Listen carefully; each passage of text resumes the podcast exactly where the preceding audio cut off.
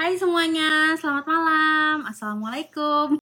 Hai, selamat datang ya di acara Rabu Seru. Jadi malam ini tuh kita rencananya bakal bincang-bincang bareng praktisioner di dunia usaha. Nah, sambil kita nungguin nih kaumanya, kaumanya lagi siap-siap katanya gitu. Aku mau introduction dulu kali ya.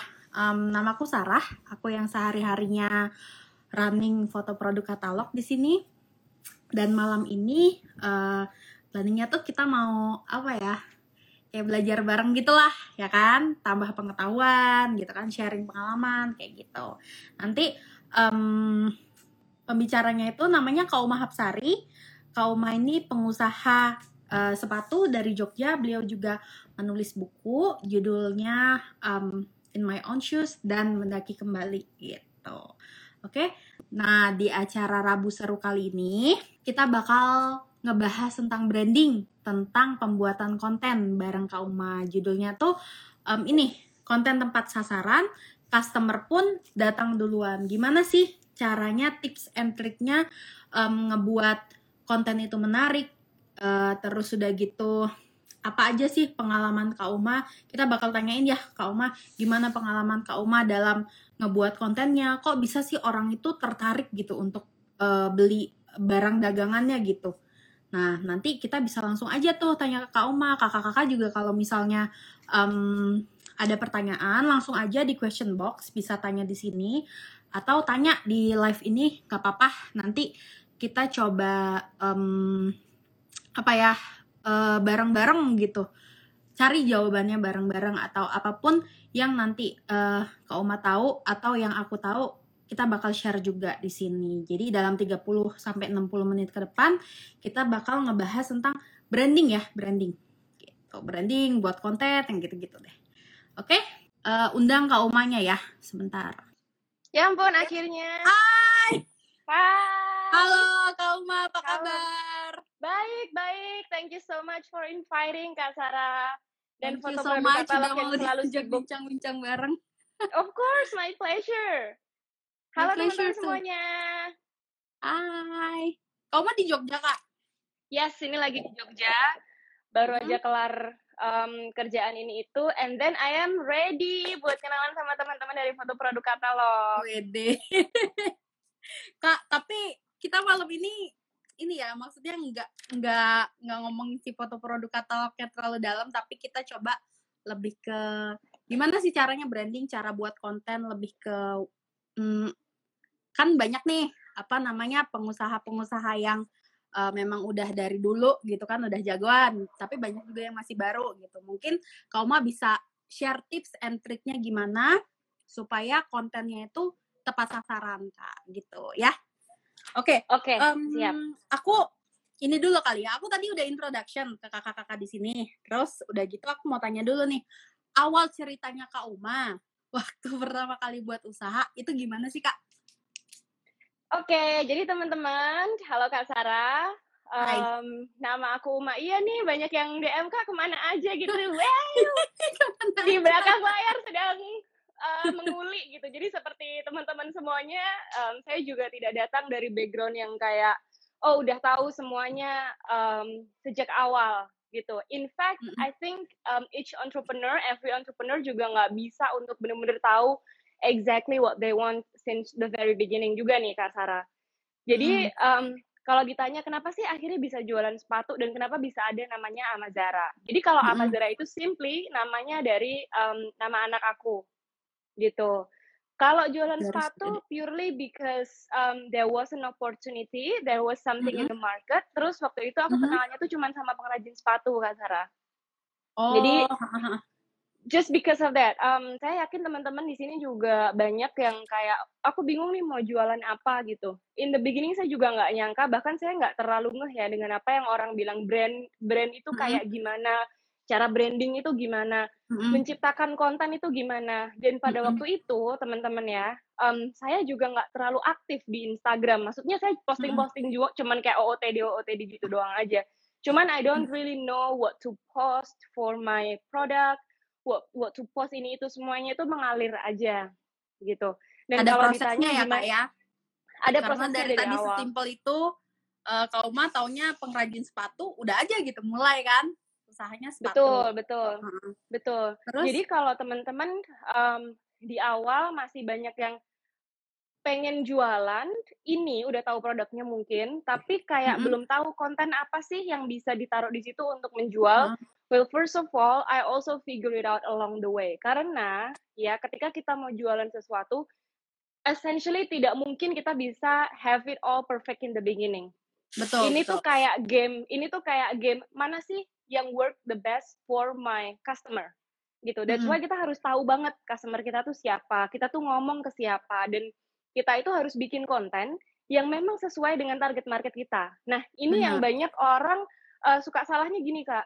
Kadang-kadang mereka bikin the best possible konten, konten yang mungkin hmm. mereka lihat ah bagus nih kalau modelnya seperti ini, bagus nih kalau hmm. photoshootnya harus begini banget, hmm. bagus nih kalau ini harus seperti ini, kalau kantornya begini, kalau timnya begini. Padahal hmm. yang paling penting itu adalah ketika produk kita itu tap into the right market.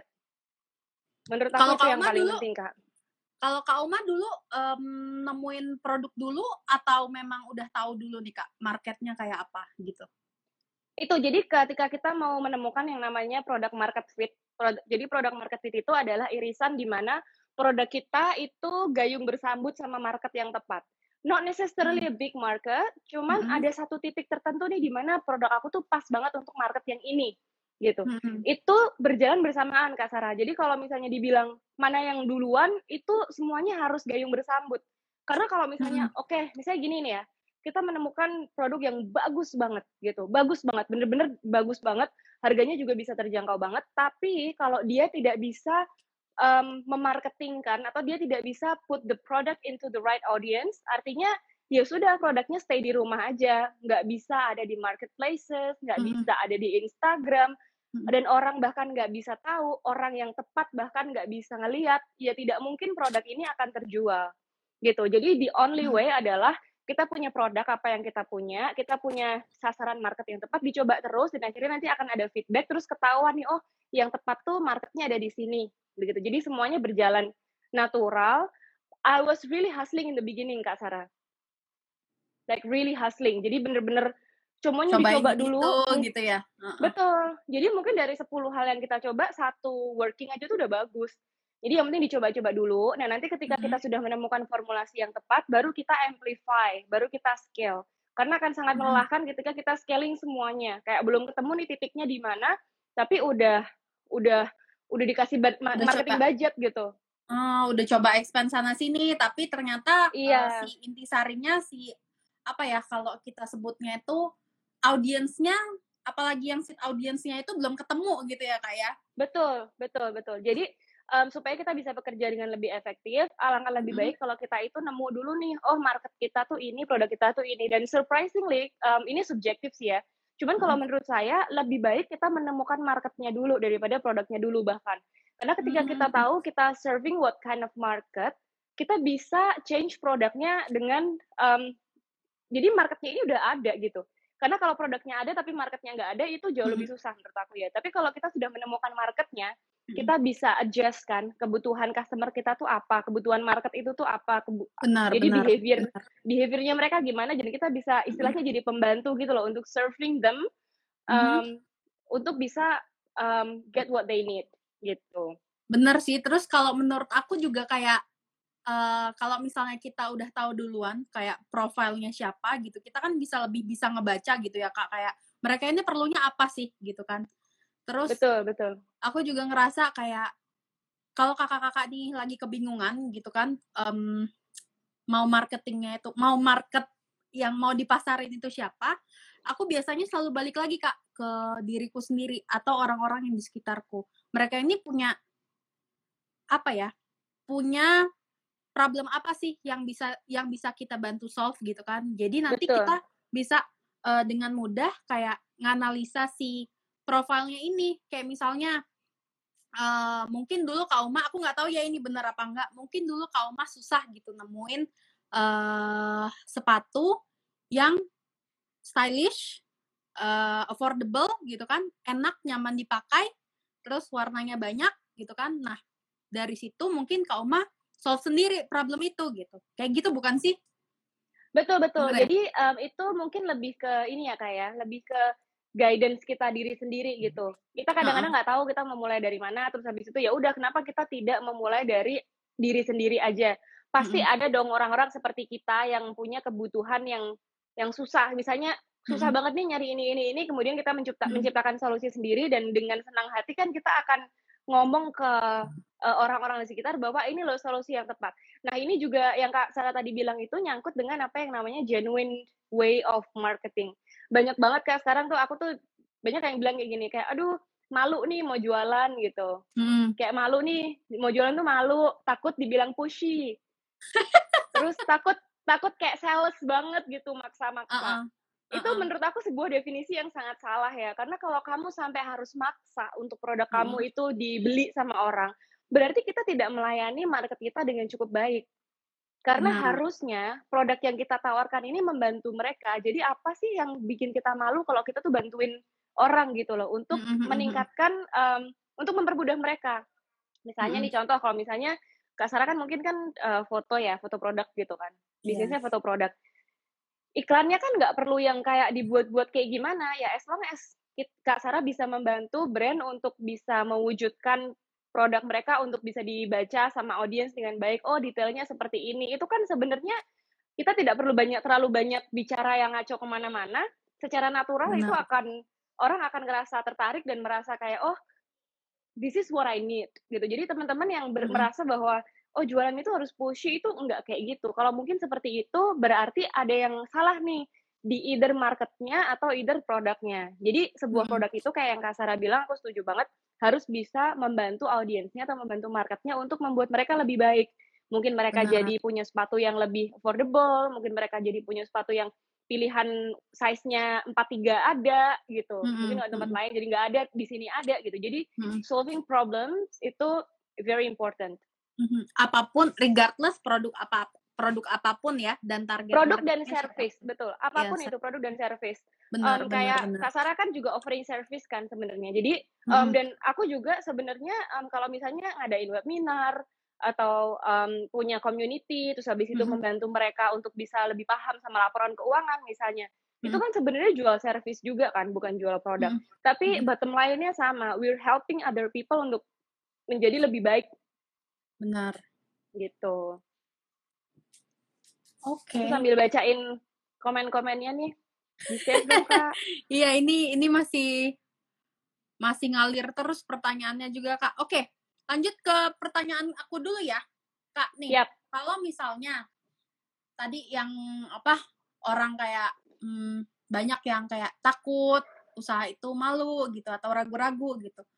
Sebenarnya itu kan apa ya usaha itu bisa dipelajarin kan kayak yang kau mau bilang tadi itu main game gitu. Lama-lama kan kayak naik level naik level naik level gitu kan solving problem terus nanti mungkin pasti pasti bakal along the way pasti bakal ada problem problem problem. Tapi gimana sih caranya kita uh, solving si problem itu supaya kita bisa terus naik kelas gitu kan kak ya? Nah kalau menurut kak Uma nih betul. skill apa sih yang diperluin orang kalau memang dia ini uh, kepengen gitu kak mulai usaha. Gimana sih skill apa yang dibutuhin orang ini supaya dia tuh uh, sukses gitulah atau jalannya nggak um, terlalu nggak terlalu sulit gitu ya untuk jadi pengusaha supaya suksesnya itu aku nggak bisa bilang sukses itu bisa cepat tapi mungkin supaya lebih lancar gitu. Menurut kau mah gimana tuh jadi sebenarnya kalau kita ngomongin sukses itu sukses tuh buat orang kan berbeda-beda ya. Ada yang sukses itu duitnya hmm. banyak, ada yang sukses itu uh, fansnya banyak, ada yang sukses itu hmm. um, hidup sederhana gitu. Jadi definisi sukses hmm. definisi sukses itu kita sendiri yang mendefinisikan gitu. Cuman benar, untuk kita bisa untuk kita bisa uh, jadi pengusaha, jadi bisnismen dan bahkan hmm. untuk memulai sebuah brand, hmm. tidak mungkin kalau kita bisa memulai tanpa skill untuk bisa jualan gitu. Benar. Jadi yang pertama, jadi banyak banget kak. Aku tuh kayak nemu uh, banyak orang yang kayak oke okay, terlalu apa ya? Mungkin terlalu fokus di brandingnya itu gimana, terus caranya hmm. selling tuh kayak gimana gitu. Tapi hmm. belum actually belum cracking the code of gimana sih produk saya itu bisa terjual dengan baik dulu gitu. Setelah itu ya nanti urusannya tuh bisa bisa di belakangan. Tapi yang awal-awal ini adalah bagaimana kita bisa menjual dan ini tidak bisa juga dilakukan kalau kita tidak tidak bisa menemukan cara untuk memarketingkan dengan baik, Mhm. gitu. Dan untuk bisa marketing itu kalau saya lihat dari perjalanan selama ini tuh adalah Mhm. bagaimana kita bisa solusi itu kan produknya ya, misalnya, mmm, Mhm. oke saya jualan earplug nih gitu, produknya ini kan problem solving-nya tuh di earplug. Tapi Mhm. untuk bisa memarketingkan ini, kita itu sebagai penjual harus bisa finding problem dulu. Karena sekarang Mhm. ini eranya itu, eee, bukan era di mana orang susah cari solusi sebenarnya. Karena misalnya nih kita, mmm, apa ya, misalnya kita, mmm, solusi itu kan di di Google banyak banget gitu. Kita Ya, kalau kita googling sudah ke mana tahu aja bisa, heeh. Iya, apa aja bisa. Jadi kalau kita Mhm. sudah tahu masalah kita apa, terus kita cari Mhm. solusi, pilihan the market itu udah banyak. Tapi bagaimana caranya meyakinkan audiens kita bahwa, Mhm. mmm produk saya ini solusi kamu, itu kan sebenarnya paling susah. Ya, Gitu. Jadi buat bukan si cuman audiens ini yakin ya. yakin bahwa ini solusinya. Nah, caranya adalah yang kita bahas itu adalah problemnya dulu. Jadi kita sebagai penjual itu harus tahu orang ini punya problem apa sih. Misalnya, Mhm. oh ternyata sekarang perempuan sekarang tuh kakinya itu lumayan panjang-panjang ya, banyak yang, mmm, size-nya tuh 42, 43 gitu dan Mhm. masalahnya mereka susah banget, eee, cari sepatu. Ada sih, cuman sangat limited gitu misalnya. Mhm mhm, Nah, sekarang solusi kita ya sepatu, cuman kan mereka punya banyak banget sepatu kan. Nah, cara marketingnya adalah dengan cara ngomongin problemnya ini loh. Kayak, kalau kaki kamu wide fit, kaki kamu wide fit, terus habis itu ini, you kamu kesusahan cari sepatu gitu, itu itu di-address dulu. Sehingga orang yang denger mhm. ini nih, market marketnya ini, dia bias bisa ngerasa relate dulu nih.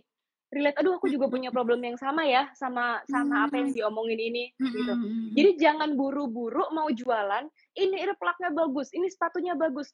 Lah kalau audiensnya sendiri belum merasa bahwa, mmm, problemnya itu memang penting, mereka nggak akan beli. Jadi mereka harus tahu dulu ya, Kak, kayak, mmm, "Oh, oke nih, yang dia yang si brand ini bilang bener juga ya, gue Iya. ini juga nih, sama nih," gitu kan. Betul betul, dan Oke. di dan di semua perspektif itu pasti ada sebuah problem. Nah, kalau kita ngomongin marketing, marketing itu adalah Mhm. bagaimana caranya kita bisa tahu dulu nih di awal. Kan tadi Mhm. kan kita harus bisa jualan. Untuk bisa Mhm. jualan kita harus bisa marketing. Nah, untuk bisa Mhm. marketing ini mulainya kan dari mana? Kan pertanyaan gampangnya gitu. Ya dari kita tahu dulu nih problemnya itu apa. Contoh Mhm. misalnya, kita tahu bahwa, mmm, barang kita itu susah kejual kalau misalnya fotonya jelek gitu. Mhm. Kalau saya nggak menyadari itu, Kak, ngapain saya ke Mhm. foto produk katalog? Orang saya juga nggak ngerasa itu masalah kok gitu. Mhm. Pro produk saya di foto jelek-jelek, burem-burem juga laku aja kok misalnya gitu. Ya. Laku, ngapain gitu? Orang melihat, Heeh. ya udah, susah jualan dengan orang yang tidak menyadari bahwa itu sebuah problem. Tapi Mhm. begitu kita menyadari bahwa, aduh ini, eee, saya but saya nggak punya kamera nih gitu. Mhm. Saya nggak punya kamera, saya nggak punya lighting, saya nggak tahu gimana caranya foto produk yang bagus. Nah, di situ servis bisa datang. Jadi kalau teman-teman misalnya, eee, jualan apa aja lah, mmm, earplug misalnya, Mhm. cari problemnya dulu. Misalnya nih problemnya apa, kalau pakai head headset itu kan kayak yang ini ada tali-talinya kan repot ya, misalnya Mhm. gitu. Jadi address the problem first, karena kalau kita tidak tahu problemnya apa, pasti kita ngomong tuh susah banget. Jadi dan sales-nya bakalan kelihatan very very pushy. So you have to Benar find sih. a way untuk bisa tahu problemnya tuh apa, kemudian mengkomunikasikan ke audiensnya gitu, Kak. I Jadi problemnya enough. apa, terus kita tawarin solusi atau benefit-benefit yang bisa Kakak itu dapetin atau, eee, audiens kita dapetin dari produk kita atau layanan kita gitu ya. Betul, but first of all, pastikan dulu bahwa audiens kamu itu sadar bahwa Mhm. servis kamu ini penting loh, jadi the why behind it. Kenapa Mhm. gitu loh, karena karena karena aku tuh ada problem seperti ini gitu, dan itu tuh harus disadarkan dulu. Karena banyak loh Kak Sarah, orang yang merasa fine-fine aja tanpa sadar problemnya itu ada. Gitu, Iya misalnya sih. nih, banyak pebisnis yang ngerasa bahwa, mmm nggak penting lah laporan keuangan tuh, misalnya gitu. Heeh heeh. Yang penting gue bisa jualan. Yang Mhm. penting gue bisa jualan, yang penting barang-barangnya keren, Mhm. mmm, oke lah gitu. Nah, Mhm. ketika saya kan aku ada komunitas Kak, namanya Mendaki Kembali, dan Mendaki Kembali itu Heeh. ada webinar gitu. Ini bukan jualan tapi contoh aja ya maksudnya. Heeh heeh. Contohnya nih, jadi ketika aku ketika aku, mmm, selling my webinar program, Mhm. itu aku mulai dari problemnya dulu. Problemnya adalah menurut aku, pengusaha itu harus bisa baca laporan keuangan. Karena kalau enggak, kamu tuh nggak bisa menilai bisnis kamu dengan um, dengan objektif. Mm-hmm. Dan kalau kamu tidak bisa baca, kamu tidak bisa melakukan analisis karena based on apa? Based on kita juga bukan dukun ya, jadi kan kita juga bingung kalau cuma asumsi-asumsi ya. saja. Harus ada datanya. Dan gimana kalau nggak ada datanya, nggak ada laporan keuangannya gitu. Mm-hmm. But surprisingly banyak sekali pebisnis yang tidak tahu bahwa bahwa ini masalah sampai hmm. suatu ketika mungkin tiba-tiba sudah lima tahun sudah delapan tahun mereka ngelihat aduh kok ini kok mulai rugi ya? Aduh kok ini kok kayak nggak kepegang ya? Kok ini kok kayak susah ya um, cash flow-nya? Gitu. Ternyata Bener. karena kok mereka tidak pernah capek doang ya? Gitu. Iya kayak capek doang tapi kok kayak ini ini duitnya mana ya? Gitu kok kayak nggak ada. Karena kan cashnya muter terus sebelah mana gitu Bener. nah gitu. Jadi hmm. kalau memang kita mau jualan sesuatu audiens kita itu harus disadarkan dulu hmm. tentang masalahnya. Dan hmm itulah kenapa um, personal branding itu juga penting. Kalau kita mau mulai, kayak kalau mulai dari orang yang tidak kenal siapa-siapa itu kan agak susah ya. Tapi kalau kita mulai dari diri sendiri dulu nih misalnya, kita jualan ke orang-orang terdekat dulu, kita meyakinkan orang-orang terdekat dan kita meyakinkan dengan pengalaman kita nih Kak Sarah. Hmm, hmm, hmm. Jadi kita punya pengalaman apa? Misalnya kayak saya itu kenapa ngajarin uh, bukan ngajarin mungkin ya lebih discuss atau sharing tentang laporan keuangan dan hmm. sangat passionate di bidang edukasi mengenai edukasi hmm. entrepreneurship karena saya hmm. mengalami dan saya benar-benar berharap teman-teman yang nonton di sini semuanya itu tidak perlu melakukan hal-hal yang tidak tidak sebenarnya bisa dipelajarin gitu jadi nggak nggak hmm. bisa di skip gitu loh Hmm. gitu. Jadi, Jadi bisa bukan nanti waktu telat baru udah gitu kita nyemplung ke sana gitu, tapi harusnya yes, itu bisa yes. dilihat dari awal gitu ya. Betul, betul. Jadi what I wish I knew pasti saya sampaikan gitu. Oke, teman-teman uh, ini loh begini begini begini learn from my lesson untuk bisa begini begini begini gitu. Dan itu bukan sesuatu yang dibuat-buat. Jadi kita hmm. juga nggak ngeras, kita cuma share aja kan. This is hmm. what I did. Um, mm-hmm. Ya syukurlah kalau membantu. Karena kan ketika kita mm-hmm. jualan kan we are hoping to help other people kan. Dan dengan benar, cara seperti benar. itu kita nggak akan malu jualan orang kita mm-hmm. mau bantu orang kok. Kalau misalnya orang ada yang ada yang ngomongin misalnya kayak ah, lu sok tahu lah gitu. Atau apa ya udah biarin aja. Biarin aja lihat kita kan mau bantu orang. Benar benar. Kalau yang di ini kak kalau uh, di tema tentang branding nih tentang pembuatan konten apa sih yang kak Uma wish to know like tiga tahun atau lima tahun yang lalu gitu? Kayak mm, I wish I know that something like that. I wish Menurut I wish I I wish aku lebih berani untuk get more personal. Jadi um, aku ini uh, personal brandingnya itu bener-bener baru mulai jalan mm-hmm. setahun dua tahun dua tahun tiga tahun belakangan kali ya. Amazara itu besar duluan terus mm-hmm. baru aku mulai ngikut di belakangnya gitu which is mm-hmm. fine which is good. Uh, cuman kalau misalnya dulu aku bisa um, bisa lebih pede gitu ya. Kayak Kasara juga nih aku udah bilang sama Kasara Kasara open Instagramnya. Ketahuan nggak? Open Instagramnya. Itu tuh harus lebih malu iya cuman cuman um, you have a lot of experience to share. Jadi bukan mm -hmm. cuman masalah untuk jualan kita aja tapi ketika kita genuinely share something mm -hmm. orang ngerasain manfaatnya. Itu tuh kayak kita tuh kerja nggak cuma buat uang doang. Gitu. Jadi kita bisa ngerasa kerja itu um, kita bisa dapat community, kita bisa dapat teman hmm. baru, yang teman baru yang satu frekuensi gitu, ngerti gak sih? Jadi teman baru yang benar-benar, yeah, yeah, yeah. um, iya, yang yang yang yang excited ketika kita ngomongin yeah. bisnis tuh ada yang orang lain juga loh yang excited yeah, gitu. Benar, Jadi benar, benar. I wish aku dulu lebih lebih uh, berani apa ya untuk lebih banyak ngomong tentang hmm. tentang semua semuanya lah proses behind the scene-nya dan lain-lain. Hmm. Cuman yang aku yang aku um, ini banget Kak Sarah yang aku syukuri banget adalah sejak awal berdiri Instagramnya Amazara itu kita memang nggak terlalu nggak nggak banyak hard sell, jadi eh, nggak terlalu banyak kayak katalog gitu. Kalau katalog ya ke website. Tapi kalau di Instagram kita banyak kita itu key performance indicatornya adalah always engagement. Jadi bagaimana caranya um, orang tuh komen dan lain-lain. Jadi customer kita tuh ngerasa relate sama kita. Nah, ketika kita stop, jadi kan nama Zara kemarin sempat off satu tahun ya, hampir setahun lah gitu. Kita sempat bisa dibilang apa ya, bangkrut, hampir bangkrut gitu ya. Jadi kita harus off sampai setahun, habis itu kita naik lagi. Setahun itu aja itu udah nurunin nurunin exposure kita banyak banget sebenarnya. Karena kan off tahun kan. Ya sih, karena kan gitu. orang kalau misalkan kita nggak aktif di sosmed, udah gitu kayak ya udah pass by gitu betul. gitu kan. Tapi betul, kayaknya kalau sama Zara mah banyak yang kangen gitu gak sih kak? Amin, amin. Cuma mungkin ini kali ya kak, karena um, kita memang dari dulu usahakan banget. Aku aku berasa sih uh, sebuah Instagram itu soulnya tuh kayak hilang gitu. Begitu kita itu nggak nggak engage dari hati gitu. Kayak kalau kita cuma nge-push push jualan jualan jualan doang itu um, audiensnya tuh mereka tuh nggak nggak terlalu excited lagi tentang apa yang diomongin di situ gitu. Jadi kalau sosial media sih aku bilang uh, sebaiknya kalau sosial media memang dipakai untuk berinteraksi. Dan kalau misalnya kamu punya tim di bagian um, teman-teman punya tim di bagian sosial media gitu ya, kasih key performance indicatornya itu kalau konten itu adalah engagement. Karena kalau hmm. kalau engagement itu kan ya gimana audiens kita itu balikin kontennya ke kita kan. Mm-hmm. Dia like, dia komen, dia share ya. Iya, jadi uh. pangkat tertinggi itu kalau sampai save sama share sebenarnya. Pangkat oh. tertinggi, iya. Jadi kalau kita lihat kan teman-teman bisa lihat tuh uh, bagian insight, yaitu hmm. ada save sama share. Kalau save sama share-nya tinggi, itu berarti sebuah pertanda bahwa konten kita tuh lumayan berhasil.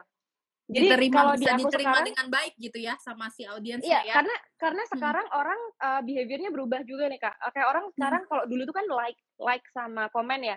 Kalau hmm. sekarang misalnya lihat nih di konten-konten kita itu bisa lebih banyak save-nya daripada like-nya. Iya benar benar benar. Karena dan kalau ketika kita audiens kita nge-save hmm itu otomatis kan berarti konten kita itu worth it untuk mereka mau kembali lagi ke situ gitu, mau diingat gitu. Benar. Mm-hmm gitu. Jadi uh, save sama share itu penting banget. Kalau misalnya butuh KPI untuk sosial media itu bisa dijadiin top KPI lah gitu. Nah, hmm. ketika teman-teman nge-share sesuatu, hmm. habis itu um, dua hal ini muncul, berarti hmm. mungkin itu bisa diulang lagi tuh nextnya. Oh, audiens aku suka yang seperti ini. Hmm. Next kontennya lagi bisa nih hmm. yang gini-gini juga. Hmm, ya benar sih, gitu, benar. Kak. Kalau sekarang lebih banyak share sama save ya, iya juga ya. Bener juga iya. Kak Uma. Soalnya nah, aku kan, sendiri juga sekarang agak jarang like sama komen ya. Biasanya hmm, kalau ada yang bagus langsung ya? aku. Iya, uh, atau kalau misalnya mau kita kan suka ya, buat kategori sendiri gitu ya. Iya. Atau wishlist iya. kah atau apa kah gitu kan. Terus kalau menurut iya, save kompetitornya mana gitu. untuk benchmark. Nah, tapi kalau menurut kamu misalnya nah supaya orang tuh engagementnya kuat gitu kan Kak. Uh, supaya tepat sasaran gitu kan. Nah, apa sih yang harus kita lakuin? Yang pertama kan tadi, of course, solving the problem ya.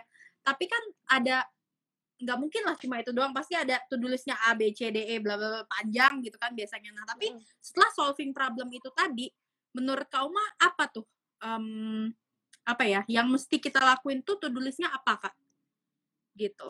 Jadi, supaya si um, um, KPI-nya ini dapat gitu. Kita kan udah set nih mm. uh, uh, benar. Supaya kontennya itu ya tepat sasaran gitu loh. Betul betul. Jadi supaya bisa engage, tidak hmm. boleh kita tidak nge-share sesuatu yang nggak ada hubungannya. Artinya artinya konten kita harus relate ke audiens kita. Nah, hmm. sebenarnya saya saya yakin teman-teman sering dengar iya iya sih gue udah sering dengar gitu relatable relatable hmm. harus relate. Tapi relate itu sebenarnya seperti apa sih? Hmm. Relate itu kayak gimana sih? Emang yang dimaksud relate itu kayak gimana? Ya relate hmm. itu adalah sesuatu yang kayak kalau kamu ngomongin itu orang lain tuh bisa hmm. paham gitu apa yang dia omongin. Bisa ngeh gitu, gitu. ya bisa kayak bisa gitu. ngeh gitu. hmm. bisa kayak oh gue juga kayak gitu loh gitu. Misalnya hmm. nih ada konten di Amazara aku mau liatin ya. Jadi sekarang Amazara tuh lagi bikin jurnal. Lagi senang bikin jurnal lah. Ini sos anak sosial media baru aku tuh dia lagi suka bikin jurnal. Misalnya ini cuman begini aja nih. Ini aku mau liatin ya. Kelihatan nggak? aku bacain ya Nggak hmm. punya pekerjaan bukan berarti bodoh, single bukan berarti nggak laku, berpasangan hmm. bukan berarti bahagia. Pikiran jangan hmm. secetek itu, gitu. Nah, oh, uh-huh. pasti kita jadi relate nih yang baca karena uh-huh. kita sering banget mikir kayak gitu. Uh-huh. Mungkin, nah misalnya nih ya, hmm. kata-kata pertamanya nih misalnya, nggak punya pekerjaan bukan berarti bodoh. Ini orang-orang hmm. yang lagi jobless sekarang hmm. pasti bisa relate dengan ini. Pasti Benar. mereka merasa suara hatinya tuh tersuarakan gitu loh kayak uh-huh. iya gue tuh nggak punya kerjaan tapi gue tuh bukan bukan berarti bodoh gitu iya uh-huh. um, jualan gue itu belum laku cuman gue tuh nggak bodoh gue tuh masih awal aja gitu misalnya nah, ini banyak yang relate gitu terus uh-huh. contoh lagi single bukan berarti nggak laku gitu banyak kan pasti yang udah ditanyain kapan nikah kok hmm. belum punya pacar dan lain-lain gitu banyak yang tapi dalam hati mereka mereka dalam hati menjerit gitu. Gue tuh bukan gak laku. Gue memang pengen fokus ke karir gue misalnya kayak gitu. Terus bu, berpasangan bukan berarti bahagia. Pikiran jangan secetek itu. Sering kan kita juga mikir kayak gitu. Pikiran jangan secetek itulah kayak gitu. Nah jadi uh, konten-konten yang relatable seperti ini ini aku mau liatin insight-nya ya. Nah yang kayak gini-gini tuh mana sih ini? Ini bisa di bisa banyak bisa banyak di save gitu. Padahal hmm, wow, ini, yang ngirim tuh ya, yang share, yang nah, share. Tapi aku mau kasih lihat ya. Hmm. Padahal hmm. ini cuman begini aja gitu. Hmm. Ini cuman maksudnya um, ini bukan sesuatu yang kayak kita harus photoshoot kayak gimana atau kita harus endorse siapa gitu. Enggak, ini it's very simple tapi ini relatable. Nah, coba kita bisa lihat ya insight-nya nih. Yang nge-save lumayan banyak misalnya padahal hmm. gitu doang gitu. Hmm. jadi um, jadi sebuah konten itu nggak harus kayak fancy nggak harus kayak sesuai SOP tapi dia harus bisa relate ke audiensnya. Kalau kita ngomongin konten kayak gitu. Terus misalnya lagi nih ada um, Doraemon gitu. Jadi hmm. kita nggak selalu ngomongin sepatu terus gitu karena kan hmm, ini lumayan gitu maksudnya yang nge-share banyak gitu nah mungkin kan mereka ya, mereka ngerasa kayak oh it reminds them of someone jadi ya. terus dikirim ke temennya atau childhood memorinya gitu ya iya terus eh, itu mensuarakan inner voice gitu ya dari si audiensnya ah iya jadi dia dia benar-benar jadi hmm. jadi kepengen um, kepengen nge-share gitu so your nah. content nah. itu harus relate ke audiensnya. Jadi kalau aku bilang kak itu bukan ini bukan masalah konten konten mana yang paling mewah, um, terus kayak fotonya yang paling bagus atau uh-huh. kata-katanya harus yang gimana atau yang kayak apa ya editannya harus gimana gitu. Uh-huh. Tapi um, konten itu isinya namanya konten itu kan bukan cuma tampilan ya konten itu kan isi isinya itu harus relate ke audiensnya jadi audiensnya itu ngerasa ih gue juga gitu ya gitu dari situ lebih ke ini ya kak. Lebih ke soft selling gitu ya. Nyangkolnya lebih lama gitu kayaknya. Kalau kalau emang dia tuh udah udah relate banget sama produknya kita sama brandnya kita apa apa tuh pasti bakal keingetnya ke sana gitu ya. Betul. Nah ini ada ada aku juga ini ya. Tadi aku baru mau beli uh, baju renang gitu. Hmm aku baru mau beli baju renang aku pernah lihat beberapa selebgram make gitu. Jadi bagus terus aku udah pernah dulu ngeliatin instagramnya juga tapi aku lupa save kak Sarah. Aku lupa save terus aku sampai ngeliatin di mana aku cari di shopee di tokopedia kok kayak nggak nemu-nemu gitu. Nah ini pentingnya branding juga teman-teman. Jadi kalau kita kayak um, kita tuh tidak diingat sama audiens kita. Diingat itu bisa berbagai macam ya. Baik mungkin patternnya atau mungkin namanya atau mungkin apanya lah gitu kalau kita tidak diingat kita susah dicari um, marketing kita jadi sia-sia awalnya mungkin kita tadinya udah endorse terus mm -hmm. habis itu orang nggak nggak kita nggak catchy gitu ya orang kayak lupa mm -hmm. kita tuh apa cost marketing kita bisa jadi tinggi banget karena orang itu kayak aku tadi aku udah pengen beli dia lagi nih sebenarnya dulu hmm. tapi namanya tuh kurang catchy nih misalnya dulu hmm. jadi aku nyarinya tuh susah kak gitu jadi branding itu juga bisa sangat membantu audiens kita untuk bisa menemukan kita kembali dan itu bisa sangat menghemat cost marketing nantinya di belakang. Benar. Terus Jadi ini endorse, endorse, endorse, endorse mulu. Apa kayak waktu kita branding, kita juga mesti presence di mana-mana ya, bisa lebih bagus lagi gitu. Kalau misalkan kita uh, kayak Kauma tuh tadi nyari baju renang gitu kan, terus ternyata Kauma lupa gitu kan. Tapi kalau misalnya customer ini gampang, gampang banget nyarinya si produk ini gitu kan. Kayak lebih apa ya? Tinggal apa ya? Kalau aku tuh biasanya nih, ya kan? Uh, aku suka retargeting kalau dari Facebook. Jadi kalau uh, ada yang apa? Uh, ada yang lihat produk kita, bisa kita kayak um, apa ya tawarkan targeting lagi gitu. uh, uh, uh, diingetin gitu kan hmm, diingetin. Atau enggak ya kita, jadi kita presence gitu kak di mana-mana. Di Facebook dia bisa lihat kita atau di Instagram dia bisa lihat kita kayak gitu sih.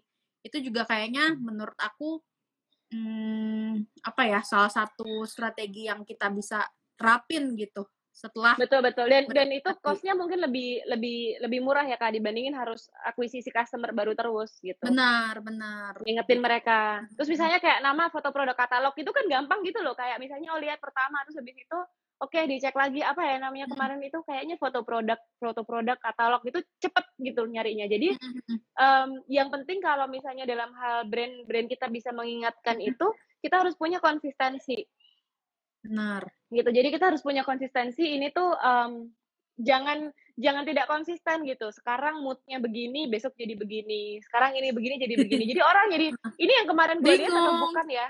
Uh -uh, iya. Uh -uh. Gitu. Kamu juga nerapin konsisten. Nerapin itu ya berarti brandingnya itu dari awal sampai sekarang itu ya mungkin pasti ada perubahan ya. Cuman konsisten gitu ya dari dulu brandingnya Betul. kayak apa gitu kan. Kalau iya. aku ngelihatnya jadi mm -mm, Amazara tuh cerah-cerah gitu kan. Terus uh, kalau ngeliat tuh moodnya enak gitu kayak happy gitu dibawanya gitu kan nah jadi iya, iya. Uh, jadi memang dari sama, dulu ya sama kayak iya kak jadi gini hmm. um, branding itu nggak kayak harus saklek gitu bukan jadi it's not about harus konsisten itu bukan kayak sama terus tidak boleh ganti itu bukan jadi kalau menurut aku definisi konsisten itu adalah konsisten ke audiensnya ini loh misalnya um, gini ya kayak gini misalnya um, ini cara ngomong aku ini katakanlah brand kita adalah manusia gitu ya. Cara ngomong aku kayak gini. Cara ngomong aku kayak gini, cara berpenampilan aku kayak gini. Nggak masalah dong kalau aku ganti baju besok gitu. Ya nggak apa-apa. Kan cuma bajunya doang yang iya. ganti ya kan. Bukan Tapi berarti orang lupa kan. sama ya. Betul. Nah, karakter hmm. personality-nya itu yang harus hmm. dipush terus. Jadi bukan masalahnya kayak uh, pakai baju merah terus. Hmm. Terus habis itu tidak boleh upload warna lain selain ini ini ini. Bukan hmm. itu esensinya gitu. Hmm. I mean um, warna itu bisa menjadi sesuatu yang mendukung untuk hmm. kita lebih kelihatan dan lebih bisa diingat. Tapi Benar. bukan semata-mata terus kayak gitu. Jadi yang penting itu hmm. adalah tone of voice kita, cara kita bicara tuh kayak bagaimana.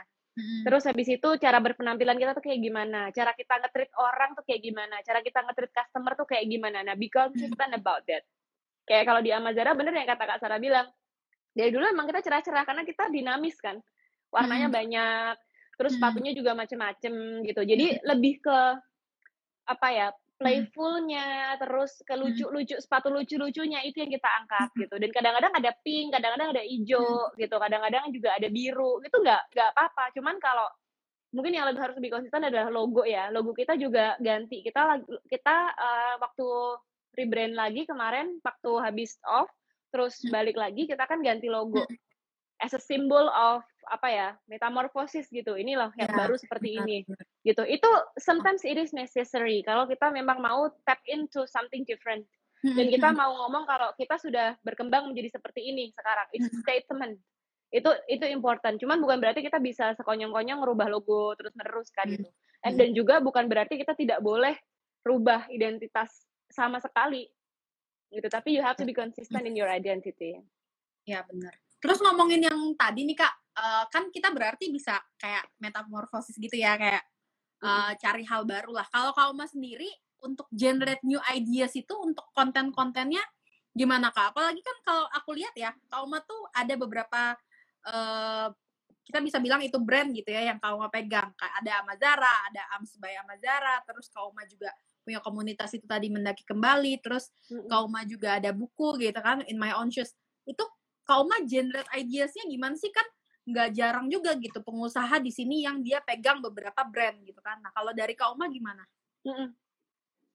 um, make sure gini ya kayak kadang-kadang tuh kita tuh stuck tuh gara-gara kita itu uh, kurang main gitu kurang main sama audience kurang main hmm. sama um, kurang baca gitu misalnya. Nah, kalau aku yang pertama sih karena um, aku anaknya terjun banget ke eksekusi, jadi biasanya dari situ tuh dapat banyak inspirasi dari customer lagi yang pertama biasanya. Misalnya oh, nih, kayak customer kayak tadi misalnya kenapa size sepatu kita tuh sekarang sampai bahkan 43 42 43 bahkan ada 35-nya karena kita Benar. ngobrol sama customer yang memang ada kebutuhan itu. Nah, jadi inspirasinya itu nggak sekedar inspirasi halu gitu, tapi benar-benar berdasarkan sebuah sebuah kebutuhan gitu.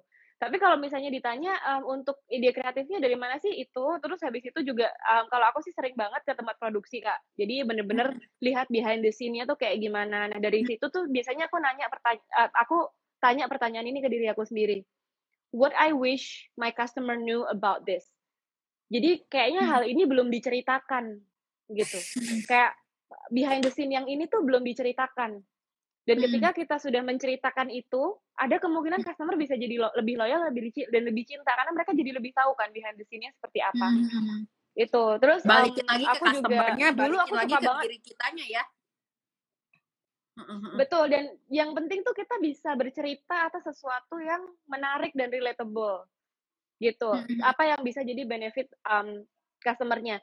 Terus itu yang kedua. Terus yang ketiga biasanya aku juga banyak um, apa ya istilahnya ya mainnya ya lebih jauh lah gitu ya. Banyak Mhm. liatin Mhm. konten-konten uh, dari misalnya oh Nike bikin campaign seperti ini, terus oh Mhm. Allbirds bikin campaign seperti ini, terus aku lihat oh di sini ada brand yang seperti ini gitu. Terus aku lihat lagi uh, teman-teman lokal brand lain sudah seperti ini gitu. Jadi sebenarnya aku rasa aku pun sangat melihat ya.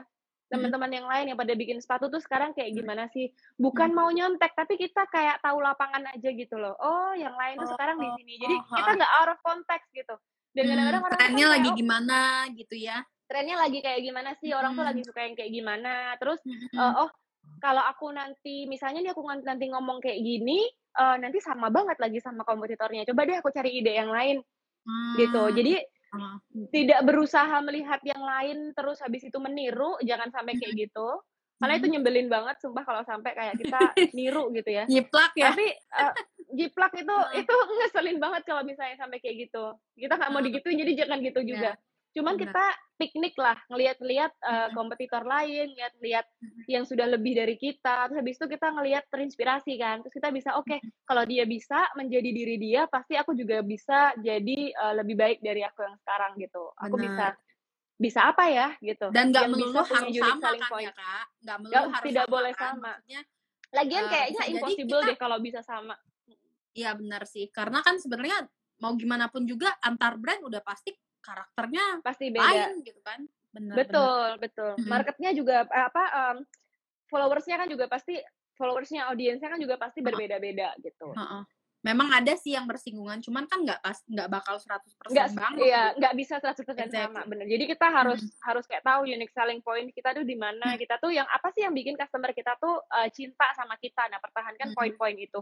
Now I know exactly ini nggak nggak segampang yang diomongin ya, apalagi kalau Mhm. kita kayak customer-nya udah ribuan atau puluh ribuan gitu, kayak it's very Mhm. hard to keep everybody happy. Cuman ya Mhm. at least we try dan kita ya kadang-kadang aku juga kok Kak, kayak masih banyak customer yang kayak kecewa ini itu ini itu, tapi Mhm. at least yang paling penting tuh kita terjun dan mendengarkan gitu loh. Oke, Mhm. jangan sampai kekecewaan si customer ini tuh kecewa sia-sia. Jadi customer Mhm. yang next-nya lagi jangan sampai ini. Jadi ada feedback tuh di ditanggepin lagi gitu, Ya, di-improve lagi. Mhm mhm mhm. Betul, Nice. bukan untuk jadi sedih terus habis itu kayak, "Oh, kok aku nggak bisa gini," nggak gitu Heeh. sih. Next-nya aja mah diperbaiki lagi. kalau mah kalau dalam hal kayak branding buat konten gitu, kalau mah ngelihat pattern gitu nggak sih? Maksudnya, oh yang kayak gini nih, eee, dia bisa successful, dia bisa menghasilkan apa, Mmm, mhm. eee, penjualan banyak gitu misalkan, yang Mhm. kayak gini kurang gitu. Kalau mah sekarang jadi bisa lihat itu ya? Eee, iya jadi, aku tidak pernah melihat sesuatu yang very successful dan dia itu nggak otentik. Jadi kalau Mmm. kamu mau, mmm, konten kamu itu bener-bener terlihat meyakinkan, you have to be genuine and and Mhm. authentic. Kalau kamu berusaha ikut-ikutan yang lain, kamu akan kelihatan, nggak jadi diri kamu sendiri. Bener Mungkin kamu nggak tahu kok kelihatan ya, tapi itu tuh Heeh. itu tuh orang lain bisa baca. Jadi aku pernah dengar ada yang bilang kayak gini, mmm, kalau kita mau jadi hebat, caranya ada Heeh. 3. Yang pertama, jadi yang pertama. Ya susah Mhm. ya kan, saya bukan orang pertama yang, eee, produksi sepatu jelas ya kan. Itu sudah ada dari zaman kapan, bukan orang pertama yang punya lokal brand. Kalau nggak jadi yang pertama, jadi yang terbaik. Nah ini tambah susah lagi ya kan, gimana jadi yang terbaik nomor 1 naik itu susah atas. juga gitu. Iya. Itu susah ya kan, jadi yang Heeh. terbaik susah. Tapi yang ketiga ini semua orang bisa. Kita harus bisa jadi beda. Benar. Gitu. Benar. Jadi selama kamu tuh justru you do you're not there to fit in the mold. Kamu tuh kayak Heeh. harus explore gitu. Oh aku itu style-nya lebih begini, lebih cocok begini, audiensnya lebih suka begini. Jadi kalau kita berani tampil beda, secara otomatis branding kamu, brand kamu akan berbeda dari yang lain juga kan. Dan Exactly. ketika itu berbeda, orang kayak lebih bisa inget gitu. Tujuan dari kita bikin konten yang engage segala macam, relate itu kan supaya kita lebih menemukan identitas diri kita tuh siapa. Terus habis itu Mhm. customer kita tuh bener-bener jadi tribe kita gitu. Jadi Mhm. bener-bener apa ya, sama kita tuh engage bener-bener gitu loh. Mm-mm, Ingat bener, kita bener, siapa bener, bener. gitu. Jadi it's coming back to your brain again. Jadi kalau misalnya nih ada ada yang nanya nih, ada yang nanya lagi nih kak. Hmm, kita tadi udah sampein, tapi mungkin ini karena waktunya sebentar lagi. Ada yang Masih nanya kak, lumayan kok, masih 15 menit lagi. masih lumayan ya? Oh ini dihitungnya Masih dari kak lumayan. Uma masuk ya? Iya, kan masuk baru sem- 19 berapa Oh tadi? iya, oke. Lewat agak 10 santai kalau gitu. Nih kak, Santai, dia tenang. tanya ada dari Kak Rifa Ulfayati. Kak Rifa ini nanya gimana kak cara nentuin tema untuk konten dadakan buat iklan produk kita. Mungkin menurutnya gimana ya cara nentuin karakter gitu ya? Kayak Maksudnya identity gimana ya? Sorry, sorry. Hmm, gimana cara? Bentar, aku ulang ya. Em, Mm-mm. Bentar, tanya eh, mana tadi pertanyaannya? Waduh, Makanya Coba. klik aja kak. Aku Iya, ini udah banyak udah open question. Oh, kan banyak ya? Iya. Ah, ini ketemu. Gimana cara menentukan tema atau identitas untuk eh, konten yang kita buat gitu. Bisa jadi konten itu untuk iklan produk kita gitu, Kak. Oh, Mungkin- oh iya iya iya ngerti ngerti. Oke oke. Sebelumnya kak, em, aku nggak tahu yang kak Sarah maksud tadi itu jam 19 berapa cutnya. Tapi nanti kalau misalnya ke cut tiba-tiba nanti ya udah kita off lanjutin lagi aja. Oke, Jadi boleh. boleh. anyway, Mm-mm. eh, untuk menentukan itu kalau aku biasanya pertama punya mood board dulu. Mood board. Jadi Nggak, mood board nanya itu ini dulu Kak, identity dulu, baru setelah Mm-mm. itu caranya buat si konten. Jadi untuk kita nentuin identitas brand kita ini gitu kan, itu gimana sih kan? Tadi di sini oh eh, kita oke, sampein, memang kita sampein harus punya karakter, personality, Betul. identity ya yang ngebuat itu Oke, konsisten yes, gitu. yes, Nah, itu yes. gimana Oke. nemuinnya? jadi kalau identity itu bisa gini ya. Jadi em, gini gini. Kayak ibaratkan manusia ya. Mm-mm. saya itu selalu mengibaratkan brand itu manusia karena dia harus hidup gitu Mm-mm. feel-nya harus hidup sebuah brand itu. Kalau brand kamu itu manusia gimana kamu menentukan identitas kamu Mm-mm. ya kan kamu harus mencari kamu itu sebenarnya siapa sih kamu Mm-mm. ini sebenarnya orangnya bagaimana gitu Mm-mm. ada loh orang yang suka hidup mewah ada loh orang yang suka hidup sederhana Mm-mm. jadi tidak tidak bisa kayak kita tuh langsung nentuin gimana gimana. Nah caranya gimana? Ya get yourself out there in the Mm-mm. field. Terus kayak kamu minta feedback, cari tahu yang terjual tuh mana, yang customer gue tuh nggak suka yang mana, produk yang bisa beneran ngebantu dan bring value itu yang mana. Nah Mm-mm. dari itu semua kan eh, perlahan dikumpulkan. Habis itu ketahuan dong identitas kita. Sama Mm-mm. kayak ini nih. Misalnya nih kayak oh aku kan baru eh, aku usia 30 gitu Kak. Dari umur Hmm. 20 ke 30 tuh aku pencarian jati diri tuh kenceng banget gitu. Mm-mm. Mana sih? Apa yang aku apa yang aku. Dan identitas kita itu akan sangat terbentuk ketika kita sudah tahu gitu, ketemu oh aku tuh orangnya seperti Hmm. ini and then we go all in buat itu. Misalnya aku ini ternyata memang memang secara jiwa ini suka banget bisnis gitu. Ya udah, konten aku ya ngomongin bisnis terus gitu. Ngapain aku ngomongin fashion? Hmm. gitu. Ya, Tapi bukan berarti ketika aku umur 20, aku tidak explore fashion. Aku explore juga. Mm-mm. Karena kalau nggak di-explore, gimana kita bisa tahu kita suka apa enggak gitu. Jadi sama juga Terus, dengan Kak? brand. Iya. Sama lanjut juga dengan ini brand ini tadi, ini Kak. ini dari aku sih ini dari Oke. aku sih kalau misalnya kita kan eh, punya audiens dia punya karakter yang dia sukain ya gitu kan biasanya tapi itu tuh kayak bukan diri kita gitu kayak kalau Mm-mm. kita jujur sama diri kita sendiri itu kayaknya kurang match gitu sama si audiensnya gitu ya Mhm. nah kalau menurut Kak Uma mending kita ngikutin inner voice kita dulu atau nyari si eh, market yang yang apa ya emang ngikutin market aja gitu Oke, jadi ini kita em, sama lagi seperti manusia, Kak. Kita mau ngikutin apa kita mau idealis begini aja? Jawabannya Mm-mm. adalah kita ada di fase mana nih? Mm-mm. Kalau kita misalnya nih, kita umur 19 gitu, kita umur Mm-mm. 17. Mm-mm. Ya kalau kita misalnya masih ngikutin, ya namanya juga kan kita masih nyobain banyak hal kan. Kita masih dalam fase pencarian. Ya nggak apa-apa. Tapi we have It's to be okay. aware bahwa ya it's okay karena kita masih dalam masa pencarian. Nanti akan Mm-mm. ada masa di mana ketika kita udah firm banget, kita produk kita, brand kita, bisnis kita sudah menemukan oh saya itu memang terlahir diciptakan terlahir untuk serving market ini, untuk menjadi orang yang seperti ini gitu. Kayak Misalnya kalau kita kembalikan ke personality ke personality kita sendiri, um, aku sendiri tidak menyesal di umur belasan, di umur 20 tahunan tuh nyobain banyak hal. Hmm. Karena bukan bukan aku bisa dibilang aku bukan bilang aku orang ngomong sini aku ikut, orang ngomong sini ikut, bukan, tapi kan hmm. kita pencarian jati diri kan. And it's the same thing with the brand.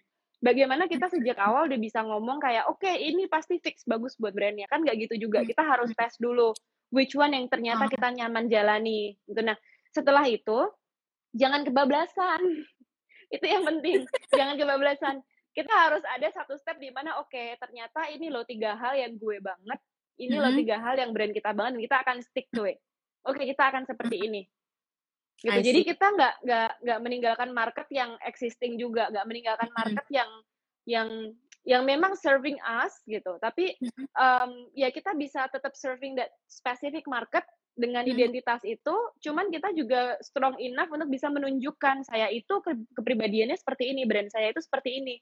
Gitu. Jadi ini ada dua stage yang terpisah kali ya kak ya.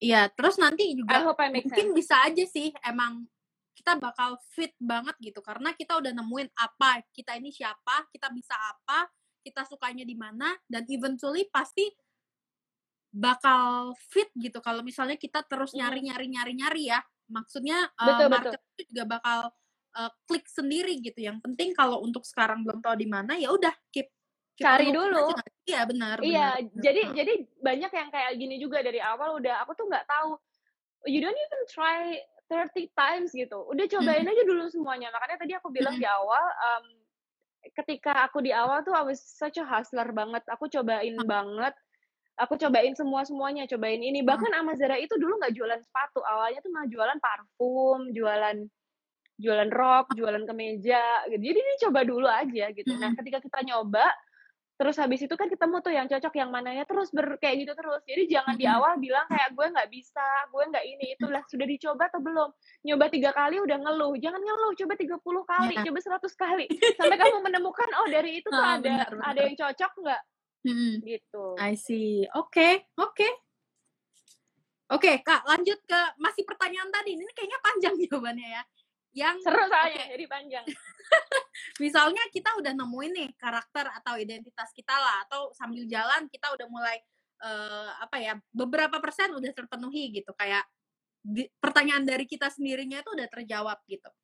Nah, terus gimana kita uh, ngebuat si konten tadi gitu biar dia tepat sasaran kayak yang Kak Uma bilang tadi kan pertama mood board atau apa gitu kan nah itu gimana tuh Kak?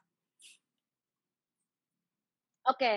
jadi ketika kita um, gini ya ketika hmm. kita ah, jadi gini this is a bit complicated tapi ini penting untuk diingat hmm. jadi ketika kita sudah tahu nih identitas kita apa kita harus hmm. punya yang namanya clarity itu istilahnya kayak mission statement. Mission statementnya itu apa gitu. Amazara uh-huh. itu baru setelah kemarin jatuh, stop, terus bangkit lagi, aku tuh bener-bener hmm. baru nemu, oke okay, ternyata purpose-nya Amazara tuh ini gitu. Jadi it took me um, four years mungkin ya untuk bener-bener bisa tahu purpose-nya tuh apa. Jadi teman-teman jangan gundah gulana kalau yang dari awal kayak, aduh aku tuh nggak tahu purpose-nya apa, terus apa gitu. Jadi itu dulu, visinya ditentukan dulu. Amazara ini ada jadi kalau kita itu kepengen sepatunya Amazon ini bisa mengingatkan perempuan yang pakai untuk fit comfortably living in their own shoes gitu. Jadi mm-hmm. nyaman hidup di sepatu mereka sendiri, nyaman mm-hmm. berjalan dan berlari di uh, path-nya mereka sendiri, mm-hmm. di jalan hidup mereka sendiri gitu. Karena orang mm-hmm. tuh macam-macam. Ada yang nyaman dengan heels, mm-hmm. ada yang nyaman dengan sneakers, ada yang nyaman pakai uh, flat, flat shoes. It mm-hmm. it doesn't matter. If it's you, kita kepengen be the reminder of women supaya mereka itu bisa comfortable in their mm-hmm. own skin gitu jadi ya uh-huh. udah it's you just be comfortable mm-hmm. with that gitu nah itu mission statement kita jadi dari atas um, kita baru breakdown ke bawah lagi mm-hmm. nah di bawah itu nanti kita baru tentukan gitu jadi misalnya oke okay, kita mau mulai ngomongin tentang um, saya kita ngomongin tentang banyak hal banyak topik-topik kecil tapi tetap di lingkaran itu gitu Misalnya kita ngomongin tentang pekerjaan. Berani nggak kamu um, going for what you really love, not just for money misalnya. Itu kan berani kan hidup di sepatu kita sendiri gitu.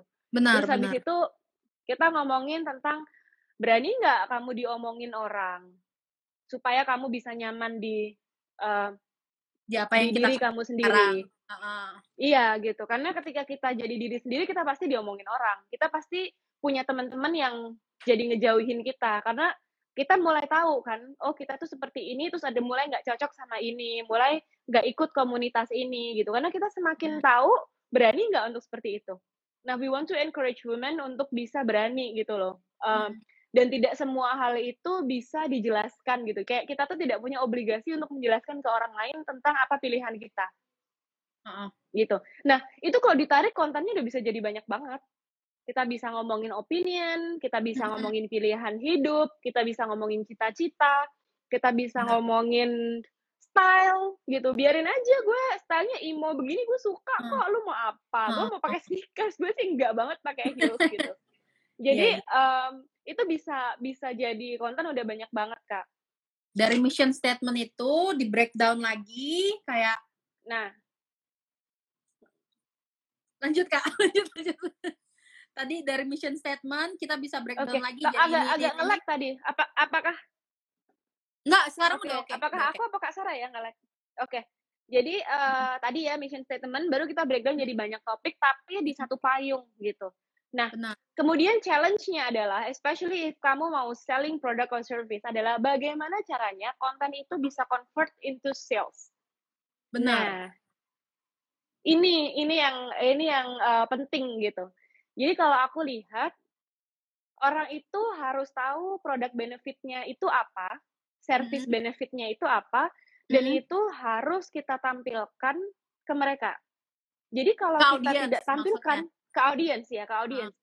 Jadi kalau audiensnya tidak tahu, tidak tidak melihat ya mereka tidak tahu gitu. Contoh, inilah kenapa ketika um, kita kirim sepatu Amazara ke sepatunya AMZ ke uh, foto produk katalog, kita selalu punya brief, clear. Benar. Kita mau kelihatan seperti ini, seperti ini, seperti ini. Kita mau kelihatan ini loh keunggulan produknya itu adalah uh, misalnya nih, keunggulan produknya itu misalnya adalah lentur gitu. Mm. Lentur itu kan nyaman kan. Lentur itu kan mm. nyaman. Mm. Jadi kita pastiin ada foto yang sepatunya bisa dilipat gitu. Mana sepatu gue? Ntar bisa dilipat mm. gitu sepatunya. Dan itu kita sampaikan ke foto produk katalog. Jadi ketika di foto orang tuh bisa melihat gitu. Mm-hmm. Nah, itu menyampaikan produk benefit berbicara melalui foto dan video itu sangat penting. Jadi kita sebelum even decide untuk foto atau apa, kita harus list dulu produk benefitnya kita ini apa. Gitu. Nah, hubungannya apa dengan tadi yang yang aku bilang kayak oh kontennya ini ini ini. Satu itu bisa di mix dua-duanya. Jadi orang kayak nggak bosen ini produk terus atau ini apa yeah. terus. Hmm. Tapi at the same time itu orang tuh bisa konekin gitu. Maksudnya kalau misalnya kita nyaman ya, bekerja dengan nyaman, kita kita misalnya kerja nyaman, kita mau sepatu kita nyaman, kita mau sepatunya nyaman dong lentur gitu. Kita nggak mau dong nah. pakai heels yang bener-bener bikin sepatu lecet. Ya, gitu. Kalau kita sepatunya lecet, kita nggak nyaman kerja, gimana kita bisa mau jadi the best of us gitu? Gimana kita bisa pede? Ya. Pasti kita jalannya sengkleh-sengkleh nggak jelas gitu gitu. Jadi uh, somehow ini bisa ini harus dikonekin gitu tapi jangan ngomongin ini terus atau ini terus karena kalau ngomongin ini terus nanti ya jualannya kapan kalau ngomongin ini juga orang juga bosen dan mereka tidak merasa terinspirasi atas konten-konten yang disampaikan iya benar sih apalagi kalau misalnya jasa kita atau produk kita itu sebenarnya banyak gitu bisa ditemuin di mana-mana. Apa sih yang yang bisa jadi pembeda gitu ya kak ya? Betul ya, betul betul tadi kan kalau nggak bisa jadi yang pertama jadi yang terbaik ya jadi yang sedikit berbeda Beda. atau berbeda itu benar-benar betul betul dan berbeda itu hanya hanya bisa terjadi ketika kita evolving terus kita tahu kita tuh seperti hmm. apa lah kalau kita sendiri belum tahu oh brand kita itu sebenarnya cocok di market mana audiens hmm. kita itu relate tuh yang seperti apa ya gimana kita mau jadi beda gitu jadi itu bertumbuh Benar. bersamaan nggak bisa kayak dilakukan satu terus udah gitu itu hmm. proses lah sabar aja Iya. Mantep. Aku jadi ngerasa makin cupu. Loh, kok makin cupu? Jangan dong, gimana sih? Eh, teman-teman BTW hmm. ya, saya tuh udah pernah main ke tempatnya Kak Sarah. Kak Sarah ini sampai banyak banget ininya. Apa, ruangannya tuh banyak banget, fotonya sana sini. Aku bilang kayak, ini gede juga ya ternyata nih tempat, aku bilang sampai di sana ada di sini ada karyawannya banyak banget gitu dan ini kak Sarah ini aku udah sampai push sampai bagaimana kak kamu harus lebih nge-push personal branding kamu tapi dia masih belum pede katanya. Saya bingung ini belum pedenya di mana. ya ini kan sambil belajar kak, pelan-pelan muncul gitu kan, ya kan? Betul Ya betul kan? betul betul. Oke kak, kita Betul, masuk ke betul. ini ya, ke pertanyaan berikutnya ya. Ini aku sambil milih-milih juga sih. Kalau misalnya kak Uma masih ada apa, ada yang mau diceritain pengalaman tentang konten, tentang branding, Boleh langsung pilih aja. Mungkin ada apa-apa yang ya? sudah menunggu. Oh iya, oke oke. diklik aja kak. Diklik aja jadi aku bisa baca juga pertanyaannya. Kliknya teh gimana? Oh, yang Diklik tadi pertanyaannya. gitu ya. Oh oke. oke. Iya, diklik aja. Jarang live ini kayaknya nih orang nih. Iya bener. Baru dua kali aku kak. Kemarin tuh sama Iya, Kak diklik aja. Nah, oke, coba ya. Heeh. Aku tuh suka bingung soalnya pertanyaannya masih banyak menyangkut tentang foto produk katalog nggak? Bentar, bentar. Hmm, Dijawab aja sekalian kak. Kalau memang mereka pengen tanya, diklik aja dulu. ah enggak ah, jangan ah.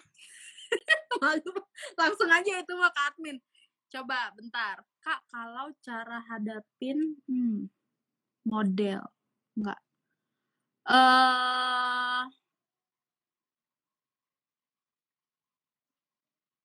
tips and trick udah. Sebenarnya udah kejawab semua sih, Kak.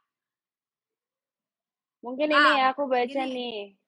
Eh, Apa? lebih lebih laris mana menurut kakak? Jual harga tinggi, kualitas bagus, atau harga miring, kualitas Oh, nggak ada biasa? di sini juga. Menurut Oh iya. Hmm, menurut aku, Pulungan ya? Hmm, gimana gimana? Iya ini lumayan banyak pertanyaan di sini. Jadi kalau Hmm. menurut aku it doesn't matter kamu kamu jual barang yang premium ke orang sedikit atau dikit Hmm. ke orang banyak it doesn't matter. Saya kenal pengusaha yang kayak untungnya tuh perakan tapi kayak banget gitu. Atau Hmm. pengusaha yang kelihatannya cuma laku begini doang tapi aduh marginnya tebel gila gitu. Jadi Hmm. semuanya sangat tergantung apakah produk kamu meeting the right market. Apakah sesuai apa enggak. Jadi Hmm. nggak ada masalah gitu. Yang penting yang mana-mana aja, yang penting memang produknya sama marketnya sesuai sehingga dia bisa Hmm. tap in gitu. Kak, konten antara branding sama marketing apa kakak pisahkan? Maksudnya gimana nih ya Kak Saraya? Kak, konten antara branding sama marketing apa kakak pisahkan? Konten antara branding sama Mungkin apakah terpisah gitu ya? Em, mungkin itu kalau Apa? itu sebenarnya nggak nggak literally dipisahkan ya karena keduanya tuh Sama, menyangkut iya. gitu. Ah, ah, Iya. branding sama marketing kan Kalau gini, temen. Betul betul. Kalau kalau kalau menurut aku branding itu adalah bagaimana kita bisa membuat orang itu ingat atau merasakan emotion dari brand kita gitu. Jadi Mm-mm. Em, misalnya nih kalau kamu denger kata Kak Sarah tuh kamu ingetnya apa sih gitu. Itu salah satu unsur dari brandnya. Kalau kamu denger Mm-mm. Uma kamu tuh ngerasain apa sih gitu. Itu salah satu unsur dari brandingnya, hasil brandingnya. Sedangkan marketing itu adalah bagaimana kamu bisa tap into the market gitu, muncul di mata market kamu. Benar. Gitu. Jadi Terus yang sering salah persepsi itu gini, Kak. Menurut aku ya, eh, kebanyakan dari kita bingung malah antara marketing dan sales. Iya, betul. Mungkin Banyak maksudnya banget yang bingung. Ah, ah, maksudnya kakak ini pisahin antara branding sama sales kali ya? Apa gimana? Mungkin gini ya, gampangnya gini kalau sales sama market, kalau branding itu kan di sini ya, jadi lumayan lebar gitu sebenarnya. Kalau marketing itu Benar. kan gimana caranya kita bisa bawa audiens kita itu supaya bisa lihat produk kita gitu. Mm-mm. Jadi istilahnya gini deh, kalau misalnya kamu ke restoran ya, Mm-mm. kamu ke restoran. Misalnya restoran apa ya, AW gitu atau KFC gitu. Ah. Brandingnya itu KFC gitu, brandnya itu kan KFC, brandingnya itu aduh ayamnya gimana ya gitu. Aduh wangi ya. crispy banget ya tuh ayam. Aduh kenyang ya gitu. Aduh apalagi kalau minumnya pakai Coca-Cola aduh enak banget gitu. Terus aduh ayamnya crispy yang original gitu. Nah itu brandingnya. Hmm. Marketingnya itu adalah misalnya nih em, ada orang ada ada pelang di depan apanya tuh di depan store-nya. Mm-mm. Pelang itu menjadi penanda supaya orang bisa masuk ke store-nya. Nah itu salah satu Mm-mm. part dari marketing. Mm-mm. Setelah orang masuk, setelah orang masuk, orang kan ngeliat tuh, oh ini ada bannernya, ada Mm. menunya. Nah, itu masih marketing. Mm-mm. Tapi begitu orang sampai ke depan cash register, kemudian Mm-mm. mereka pesen, itu baru sales. Jadi istilahnya Mm. sales itu cuman transaksinya doang aja, transaksi yang terjadi ketika pembelian gitu. Cuman bukan proses ketika kamu bisa membawa customer customer masuk gitu. Contoh lagi kalau di online shop misalnya kita ngepost ngepost di sosial media di Instagram, Mm. itu marketing semuanya. yeah. gimana caranya kita bisa punya konten uh, di depan mata audiens kita mereka mm -hmm. sehingga bisa ngeklik itu itu semuanya marketing mm-hmm. baru terjadi sales adalah ketika kamu berhasil membuat audiens kamu ngeklik website kamu atau ngeklik um, link Shopee Tokopedia-nya habis itu lihat katalognya terus habis uh-huh. itu add to cart nah add to cart-nya itu baru sales jadi ini proses yang harus dibedakan Hmm. Kalau sales itu ya lebih ke makanya konten-konten yang ada di sales itu biasanya kan orang sudah jelas tertarik nih. Nah, itu di situ harus jelas tuh. Fotonya harus jelas.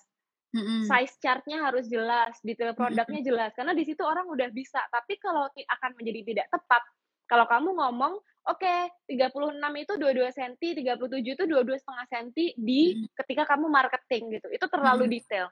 Kecuali mm-hmm. kalau kamu memang sedang mengangkat konten bagaimana cara mengukur sepatu. Ya, gitu. Jadi betul. kamu tidak memberikan hal informatif, kamu memberikan hal edukatif kalau konteksnya lagi di marketing. Cuman ketika kamu ngeklik, kamu mau tahu informasi produknya itu di situ. Makanya aku kurang setuju Kak Sarah kalau misalnya kayak di Instagram tuh ditaruh katalog-katalog banyak gitu. Mm-hmm. Di Instagram itu, lebih ke ya udah marketing aja branding gitu ya. Marketing. Terus nanti lama-lama ada funneling-nya ya kayak Betul. Makin, uh, orang kan makin tertarik, makin makin ke step berikutnya gitu kan. Mungkin dia ngunjungin mm. Shopee, ngunjungin Tokopedia mm. atau websitenya atau konten adminnya gitu kan. Nanti dari sana Betul. kan ada penjelasan lebih lanjut yang mendalam tentang si produknya ini gitu kan. Karena kan stepnya udah ini lagi ya. Udah Betul. ke bawah lagi gitu. Terus nanti baru deh dia ada transaksional. Mengerucut. Iya, iya. Mengerucut, benar benar benar. Betul. Oke, gitu ya, Kak. Siapa tadi yang nanya? Kak Wira Amalia. Mudah-mudahan iya, jawaban betul. kita sesuai dengan yang dia tanyain ya, Kak ya. Soalnya aku juga agak Oke, nggak apa-apa. Harusnya sih sesuai ya. Kalau enggak, ya. boleh ditulis lagi aja, Kak. Mm -mm. Oke. Okay. aku sambil baca komen-komennya. Mau yang di mana yang dijawab nih, Kak Sarah nih? Ini, ke Kak Tobikin. Kak, kalau produk yang saya jual terlalu segmented, terlalu niche kali ya, gimana caranya buat narik engagement orang lain yang bukan dari segmen tersebut? Gimana sih Kak, kalau produk yang saya jual terlalu segmented, gimana uh-huh. caranya supaya narik engagement orang lain yang bukan dari segmen tersebut? Hmm, sorry ini saya agak nggak jelas sama, Maksudnya, saya belum begitu paham sama pertanyaannya. Mungkin kakak ini udah terlanjur buat Mungkin. produk, ya kan? Produknya segmented. Nah, harusnya kan dijual mm -hmm. di niche yang A gitu misalnya. Tapi gimana sih mm -hmm. supaya mm -hmm. si produk ini bisa laku juga di niche dia yang B gitu?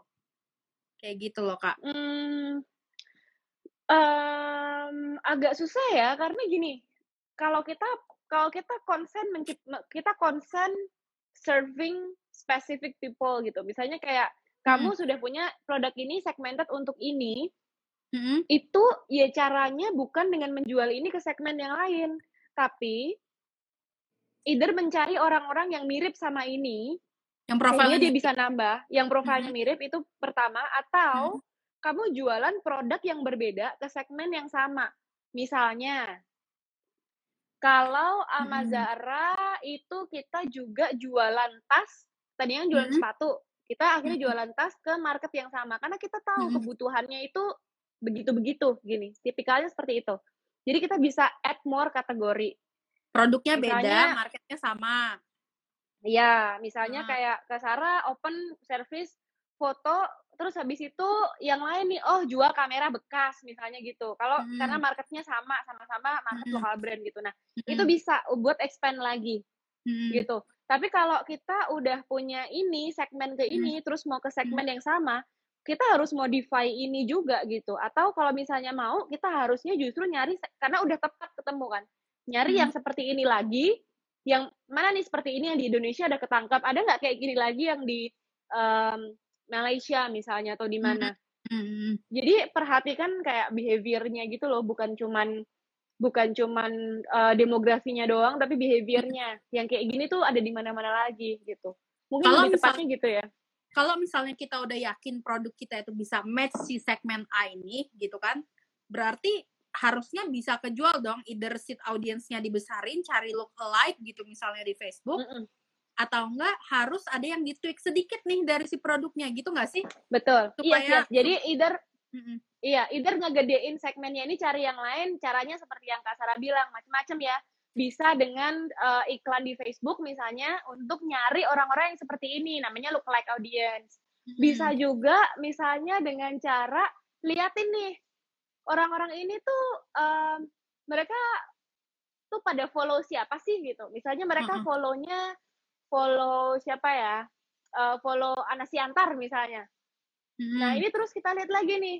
Oh, mungkin bisa mungkin bisa juga nyari orang-orang mis misalnya bisa juga endorse ke Anasiantar misalnya ya. Hmm. Kemudian supaya make sure bahwa orang tipikal orang-orang ini akan ketarik juga nih ke sini kan mereka sama, hmm. sukanya sama-sama itu. Hmm. Itu misalnya. Uh-huh. Jadi bisa cari cara, tapi garis besarnya adalah justru membesar mencari si segmen ini di tempat-tempat yang lain atau mm-hmm. klik produknya jangan ini doang, produk lain mm-hmm. tapi dijual ke segmen yang sama gitu. Oke. Okay. Oke. Okay. Mm-hmm. Oke. Okay. Kak, ini aku barusan ngeliat lagi nih. Ini sering juga nih dialamin.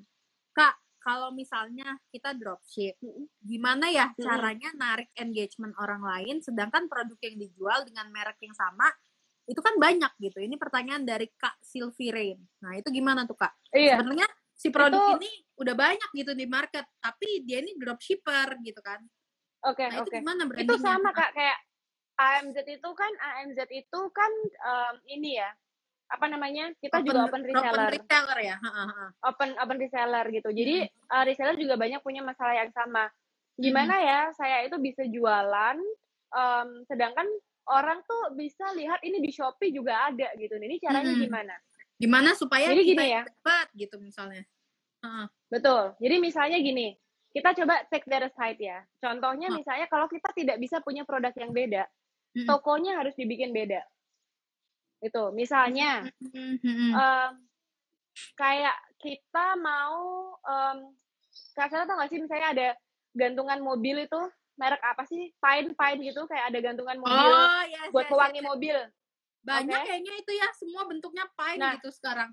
Semuanya bentuknya pine dan itu dijual hmm. di mana-mana. Ada di tempat hmm. uh, ada di tempat apa namanya ada di tempat cuci mobil, ada yeah. di supermarket, ada gitu. di bengkel. Nah itu kan sama ada di bengkel gitu. Nah sekarang bagaimana caranya supaya tokonya yang berbeda? Ada di S Hardware gitu. Jadi kalau kamu punya produk yang sama, toko kamu harus beda. S Hardware ini dia punya kelebihan apa?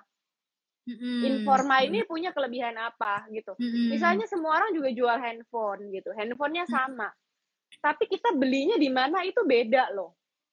Oh. Kita mau oh, beli di Tokopedia kah? Kita hmm. mau kenapa kita beli di Tokopedia? Hmm. Oh, karena di Tokopedia kita bisa official store, kita bisa kasih hmm. gratis ongkir misalnya. Hmm, bener banyak banyak kejadian juga sama ini sih kak, uh, kayak produk moms and baby gitu. Kayak hmm. hmm, tokonya kan sebenarnya banyak ya, terus produknya ya sama itulah, cuman mereka tuh gaya penyampaiannya beda-beda gitu ya. Ada yang betul suka, betul. Uh, sih, ada yang lebih Jadi, suka ngejelasin dengan cerita, ada yang lebih suka mm. dia sambil unboxing sambil dia cobain gitu kan. Mm -mm. Hmm. Jadi intinya kalau kamu nggak bisa punya produk yang beda, kamu harus punya toko yang beda dan di toko yang beda mm -hmm. ini kamu harus punya sesuatu yang unik gitu. Macam-macam mm -hmm. mungkin di toko kamu ini misalnya ya kamu bisa guarantee satisfaction misalnya aja nih gitu. Guarantee satisfaction itu gimana? Saya akan follow up pokoknya saya pastikan ini kalau misalnya kamu tidak begini begini begini saya yang tanggung kembali gitu. Nah kita bisnismen bisnismen memang, memang kita harus take risk kayak gitu. Kalau kita cuma sama yeah. kayak yang lain we're not being different right? Kita tadi udah oh, ngomongin gimana yeah. caranya supaya kita bisa beda gitu. Kita jadi yang pertama yang terbaik atau kita jadi yang berbeda Nah, kalau kita mau jadi yang berbeda, ya kita harus ya itu pebisnis itu penuh resiko. Nggak bisa kalau kamu kayak mau mau nggak nggak nggak dapet resiko, terus habis itu uh -huh. toko kamu mau ya aku nggak mau modal, aku mau sama seperti yang lain aja, tapi aku mau dapat profit dan penghasilan paling tinggi itu tidak akan terjadi. bisa ya? Jadi susah ya? Nggak bisa. You have yeah, to be able to take risk. Dan hmm. resikonya macam-macam. Mungkin kamu hmm. oke okay, toko saya ini akan punya review yang paling banyak pokoknya. Misalnya, hmm. bikinlah WA katalog kamu ini full kamu kamu beli dulu tuh sepatu-sepatunya atau kamu beli dulu produk yang kamu jual. Hmm. Bisa benar-benar kamu review satu-satu. Nih, reviewnya selengkap ini, nih bisa begini, nih bisa begini. Jadi orang kalau ke tempat kamu itu lebih lengkap justru daripada kalau mereka ngelihat katalog uh, brandnya di Benar, benar. Bisa jadi gitu. aku malah kepikiran kayak gini. Misalnya Amazara nih, AMZ itu kan uh, segmentasinya kalau kita bagi-bagi lagi ada ada beberapa kategori ya. Ada yang uh, hmm. apa? Ibu muda bisa masuk sana. Hmm. Ada yang mahasiswa hmm. bisa masuk sana. Anak SMA bisa juga masuk sana gitu kan. Nah, Mm-mm. Sebenarnya kalau misalnya kita mau jadi uh, fokus gitu ke salah satu segmentasinya itu, kita kan bisa lebih mendalami gitu ya kak profilnya sih. Betul. Profilnya dia gimana, betul, jadi bisa betul. lebih kuat gitu loh brandingnya dibandingkan betul, betul. dengan yang lain. Hmm. Contoh lagi nih kak, kalau misalnya ini ini aku coba kasih contoh yang resellernya AMZ ini karena uh-uh. aku udah ngalamin sendiri nih di sini. Misalnya yeah. nih, kemarin tuh banyak banget permintaan kayak boleh nggak sih kak fotonya itu uh, pakai jangan pakai kaki jadi jadi takutnya kelihatan kan apa ketutup gitu loh karena kalau kita jual buat yang berhijab kan oh, masa kakinya kebuka gitu. Nah, menurut hmm. aku kalau aku jadi salah satu reseller atau dropshipper, aku bukan hmm. ngelihat itu sebagai problem, itu peluang. Hmm. Oh, kalau gitu gue bakalan foto semua produk ini dengan uh, model berbaju gamis misalnya mm -hmm. atau bajunya syari. Jadi um, orang dan aku akan marketing uh, akan marketingin ini ke -hmm. mereka yang memang bajunya tuh syari-syari. Jadi aku bisa ngomong benar, benar, produk benar. ini tuh kelebihannya itu untuk yang pakai gamis misalnya ya, itu huh? nih ini ada haknya segini. Dia nggak capek huh? loh, haknya tuh nggak terlalu tinggi. Jadi jadi hmm. kalau misalnya gamis kita agak kepanjangan, ini nggak bikin nyapu lantai gitu, atau apakah hmm. misalnya gitu ya. Jadi menemukan um, unique selling point sendiri di toko kamu. Jadi itu cara kamu bisa gaining trust. Ya namanya entrepreneur itu nggak bisa kita kayak kasih tahu kamu harus begini terus kamu dapat udah udah udah ready gitu ya. Mm-hmm. Entrepreneurship is about constantly finding problems and then after mm-hmm. that kamu harus kreatif, kamu harus being able to take risk. Mm-hmm. Dari situ mm-hmm. orang bisa melihat kamu lebih daripada toko-toko sebelah mm-hmm. gitu. Jadi kalau misalnya teman-teman di sini jadi dropshipper itu tadi ya mungkin hmm. kamu nggak bisa produknya sama jadi jangan ngeluh justru kamu harus melihat hmm. bisa melihat opportunity apa di situ ya apa toko aku bisa digimanain oh. gitu sebenarnya sama aja sih kak kayak produk-produk yang sehari-hari kita minum gitu ya atau apalah kayak kayak gini gitu kan itu kan sebenarnya ada di ada di supermarket dengan apa ya supermarket apa pun gitu kan tapi yang yang yang mm -hmm. ngedorong kita untuk specifically ke supermarket A atau supermarket B itu kan berarti kita suka sama si supermarketnya gitu kan? Bener nggak sih? Betul betul. Kayak misalnya nah. kenapa nah. kenapa kita tahu kok itu minuman lebih mahal di Indomaret tapi tetap aja beli di Indomaret. Lah daripada kita ke Transmart lah parkirnya lama uh, amat kan gitu. Uh, atau jauh jadi, dari rumah um, kita jadi, gitu ya. Betul hmm. kalau Indomaret kan di mana-mana ada lah ya udahlah paling beda berapa hmm. gitu. sedangkan kalau misalnya kita mau belanja bulanan yang ngapain ke Indomaret? Mendingan gua ke Carrefour misalnya atau ke mana yeah. yang benar-benar bisa sekalian dan harganya misalnya bisa lebih murah gitu. Uh-uh. Jadi toko itu punya keunggulan masing-masing sendiri. Benar. Kak, terus ada lagi nih yang nanya. Itu kan kalau misalnya produknya barang. Nah, ini dari Abang Jo, dia mm-hmm. bilang gini. Kalau kita punya bisnis jasa, kayak misalnya Kak Uma, Kak Uma kan lagi bangun komunitas. Aku nggak begitu paham sih komunitas itu sebenarnya uh, apa? Pasti Kak Uma ada jasa yang ditawarkan kan gitu di sana. Mm-hmm. Nah, dia bilang kalau kita punya bisnis jasa tapi produk jasa ini sudah banyak dan ada di mana-mana. Nah, terus kita hmm. harus jadi pembeda itu maksudnya gimana gitu karena produknya kan jasa, sedangkan jasa itu yang yang aku pahami katanya, yang di mana kita harus memberikan servis ke klien gitu. Jadi kalau untuk jasa pembedanya apa sih gitu? Mungkin maksudnya gitu ya? Ya sama aja, sama aja. Jadi gini, um, yang yang nanya siapa tadi? Bang Bang Jo, Bang Jo. Bang Jo, Bang Jo ada lagunya. Bang Jo, abang Bang Jo, Jo. ya, ya, Kalau aku malah ingetnya Bang Jo, makin Bang malam. Jo yang itu. Merah kuning hijau. Bang Jo. Oke, okay, sorry yeah. Bang Jo. Oke. Okay. Maaf Kak, Halo, maaf, okay. bercanda. Jadi, iya bercanda Bang Jo. Jadi gini, uh, tadi mana pertanyaannya? Oh ya, pertanyaannya adalah kalau jasa, um, kalau servis gimana? Kalau jasa uh. gitu. Jadi mungkin gini ya, unique selling point itu sebenarnya mau di jasa mau di produk ya sama aja itu kayak hmm. apa yang membedakan dari kompetitornya jadi coba pertama dilihat dulu kompetitor tuh menawarkan apa gitu hmm. misalnya nih Kalau saya kan ada komunitas itu kak, ada komunitas mendaki kembali. Awalnya tuh saya nggak berpikiran mau jualan bagaimana. Ya udah uh, kita share dulu aja tentang bagaimana sih rasanya kita mendaki kembali ini itu. Dan di situ saya jadi mulai sharing experience tentang laporan keuangan kan. Sure, oh banyak kok orang lain yang memberikan edukasi tentang um, laporan, laporan keuangan perusahaan tuh harus begini. Kalau bisa kita Google, kalau misalnya kita YouTube, itu banyak kok yang ngasih ilmu-ilmu tentang laporan keuangan.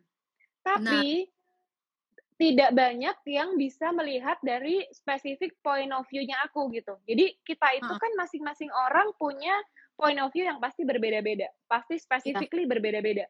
Kalau hmm. aku melihat dengan cara pandang ini, mungkin orang lain melihat dengan cara pandang ini. Nah, hmm. aku ini bercerita di sini, kita ini bercerita tentang kalau service kita itu bisa ngebantu dengan cara kayak gini gitu. Jadi misalnya value yang kita tawarkan itu hitting specific pain points gitu. Misalnya nih kalau aku oh. bilang, uh, jadi dengan bisa membaca laporan keuangan, kita tidak harus bisa membuat, tapi misalnya dengan bisa membaca laporan keuangan, kita itu bisa uh, menganalisis bisnis kita dengan hmm. lebih baik. Kalau kita bisa menganalisis berdasarkan fakta, kita akan membuat keputusan bisnis yang lebih baik. Kalau keputusan Benar. bisnis kita lebih baik, itu otomatis bisnis kita menjadi lebih efektif, lebih produktif, gitu. Ya. Tapi itu kan juga lebih point cepat of ya. view Iya, itu kan point of view aku, Kak. Mm-hmm. Banyak orang lain yang punya point of view yang berbeda-beda dengan materi yang sama. Mm-hmm. Gitu. Jadi dan kenapa aku share seperti itu? Karena my personal experience seperti itu. Gitu. Kalau misalnya kita nggak bisa baca, kita nggak nggak produktif untuk mengambil keputusan, nggak berani gitu loh. Kita nggak tahu oh produk mana yang ini yang itu. Jadi kembali lagi ke pertanyaannya Bang Jo. Kalau kalau kita mau nawarin sesuatu di service, make sure kita itu deliver value. Itu penting banget. Di bis, di, di produk juga iya, tapi even more di service. Benar, benar. Value benar. kamu itu harus lebih banyak daripada yang lain.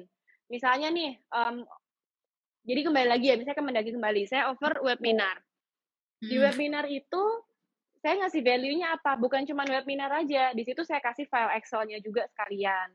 Terus hmm. saya kasih follow up juga. Jadi um, udah webinar selesai nggak selesai sampai di situ. Kadang-kadang saya kasih beberapa follow up terus habis itu kita jadiin di grup juga di grup WhatsApp. Jadi kalau misalnya ada hmm. pertanyaan kita masih bisa balas gitu. Hmm. meskipun value-value itu nggak upfront saya ngomongin di depannya cuma ngomong webinar hmm. dapat ini. Tapi orang juga akan happy kan? Kalau misalnya oh ternyata masih dikasih um, after salesnya after service-nya kayak gimana? jadi kamu iya jadi kamu cari aja value tambahannya itu bisa apa value hmm. tambahannya dibandingin kompetitor lain. Kalau yang lain mungkin cuma hmm. jual jasa foto doang, kita bisa foto sekaligus konsultasi misalnya gitu. Hmm. Jadi ada ada ada value lain gitu. Terus misalnya kalau kalau yang lain misalnya nawarin servis apa ya, benerin handphone misalnya. Servisnya kan benerin handphone sama di mana-mana harganya juga sama, tapi kalau di saya saya bisa ngasih kartu garansi gitu. Kartu Benar. garansinya kalau misalnya 30 hari rusak lagi saya benerin gitu. Atau misalnya yang lain sudah ada kartu garansinya. Oke, okay, kita um, kasih um, apa ya free delivery misalnya. Benar, benar. Jadi benar. selalu ada value added yang kita bisa tawarkan lagi dan lagi. Dan itu kita sampaikan dengan spesifik pandangan kita tuh seperti apa. Kita misalnya pandangannya menurut kita seperti ini, seperti ini, seperti ini. Yang penting kita as long as we giving we are giving value, um, orang akan ini ya, orang akan uh, ke hook gitu loh sama apa Bener. yang kita tawarkan karena itu serving them kan. Aku juga barusan ngalamin itu sih kak. Kayak beberapa hari yang lalu aku tuh ke bengkel ya kan kayak benerin mobil gitulah, simply benerin mobil. Hmm. Tapi setelah itu yang punya nih nawarin gitu loh, aku cuciin ya gratis gitu. Jadi mm keadaan mobil itu setelah direparasi, setelah dibenerin gitu kan, itu kan servis dia ya, jasa pembenahan si mm mobilnya ini.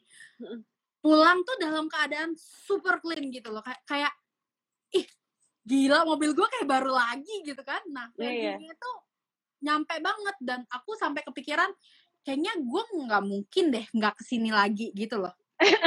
Iya kan? Mendingan ke situ kan kita mikirnya oh bisa dicuciin lu pula gitu. Exactly, kayak Jadi gitu. always think of the value that you can give, hmm. give, give gitu. Misalnya kayak itu yang cuci mobil kan mungkin dia berpikir lagian ada karyawan kok lagi rada sepi udahlah kasih suruh. ya benar suruh ini aja gitu bayarnya juga sama aja gitu kan. Hmm, jadi suruh bersihin aja gitu. Jadi customer lebih happy. So as an entrepreneur you keep always have to think about what makes you different what makes you different. Apa value yang bisa kamu kasih?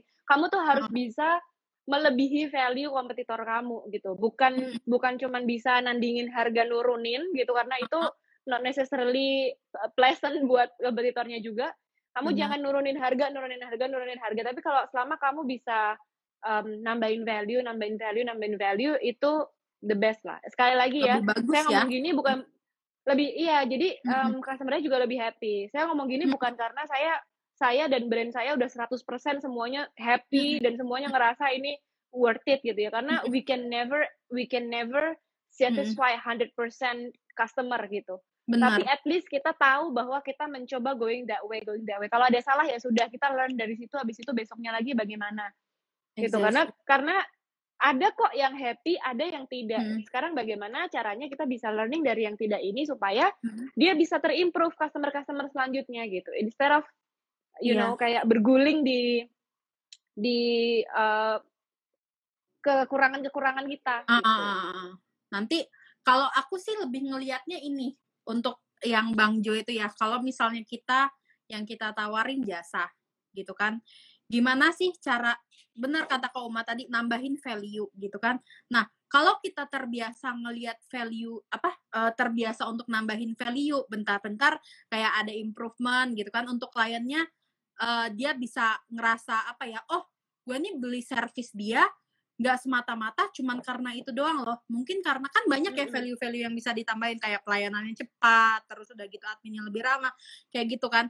Nah tapi betul. Eh, setelah kita terbiasa Betul. melihat itu malah nanti kita lebih ke apa ya bisa tapping blue market eh, blue ocean baru gitu loh. Kayak gimana ya aku jelasinnya kayak ketemu aja gitu. Tiba-tiba ada ada eh, tempat yang belum kita tap gitu market yang belum kita tap yang kita tahu kita bisa eh, disrupting di sana gitu loh.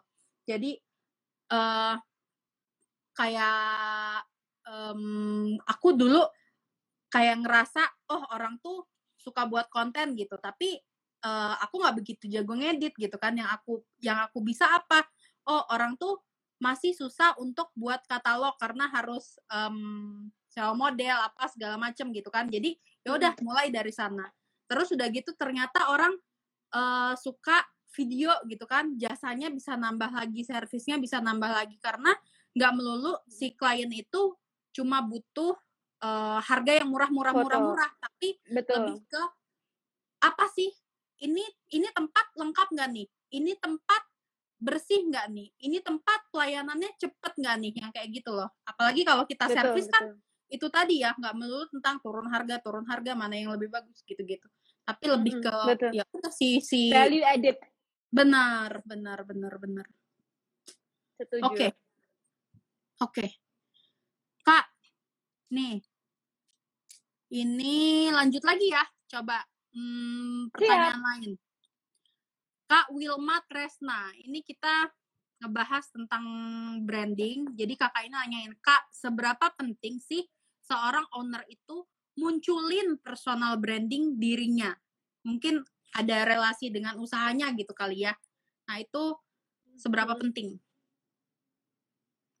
Jadi ini pertanyaan yang sangat sering gitu. Apakah saya harus muncul atau saya tidak muncul gitu? Mungkin Mm-mm. em, kita agak ngulang dikit yang di depan tadi. Jadi Ya, sebenarnya not necessarily harus muncul sebenarnya. Mm-mm. Kayak waktu am- waktu kalau aku ya Kak Amazara itu gede dulu baru aku ngikut di belakangnya. Baru orang oh ini siapa sih yang bikin Amazara? Mereka baru oh ini orangnya baru kayak gitu. Mm-mm. Mungkin Kak Sarah juga ya. Oh siapa sih ini yang bikin foto produk katalog? Oh namanya ini gitu. Mm-mm. Jadi nggak harus personal branding itu sebenarnya ditampilkan. Saya juga punya banyak temen yang usahanya gede, baik gitu, dan mereka sama sekali nggak mau nongol gitu. Itu juga nggak ada yang salah. Itu kan personal Hmm. preference masing-masing ya. Mm-mm. Itu benar-benar personal preference. Cuman menurut aku kalau kita mau speed up, kalau Mm-mm. kita kayak mau ngasih booster Mm-mm. di bidang trust, itu Mm-mm. personal branding dengan adanya kita nongol itu orang Hmm. bisa naikin leverage-nya, naikin trust-nya. Hmm. Karena mereka Hmm. suddenly jadi tahu bahwa, oh ini loh ada the person behind the brand yang Hmm. bertanggung jawab gitu. Ini loh orangnya itu ini gitu. Hmm, hmm, hmm, hmm, Jadi hmm. itu sebuah point of um, jadi gimana ya bisa membuat brandnya lebih hidup lagi Hmm. gitu. Jadi kayak dari segi trust-nya bisa naik, terus personality-nya bisa lebih dapat. Hmm. Jadi penting ti memang tidak harus, tapi kalau dibilang penting menurut saya juga cukup penting karena itu bisa boosting brand kita juga gitu. Jadi, mmm, itu, jadi kalau misal plus dari situ misalnya nih ya, saya tuh waktu dari awal juga nggak ada nggak kata-kata personal branding kan sebenarnya belum belum lama banget populer kan ya.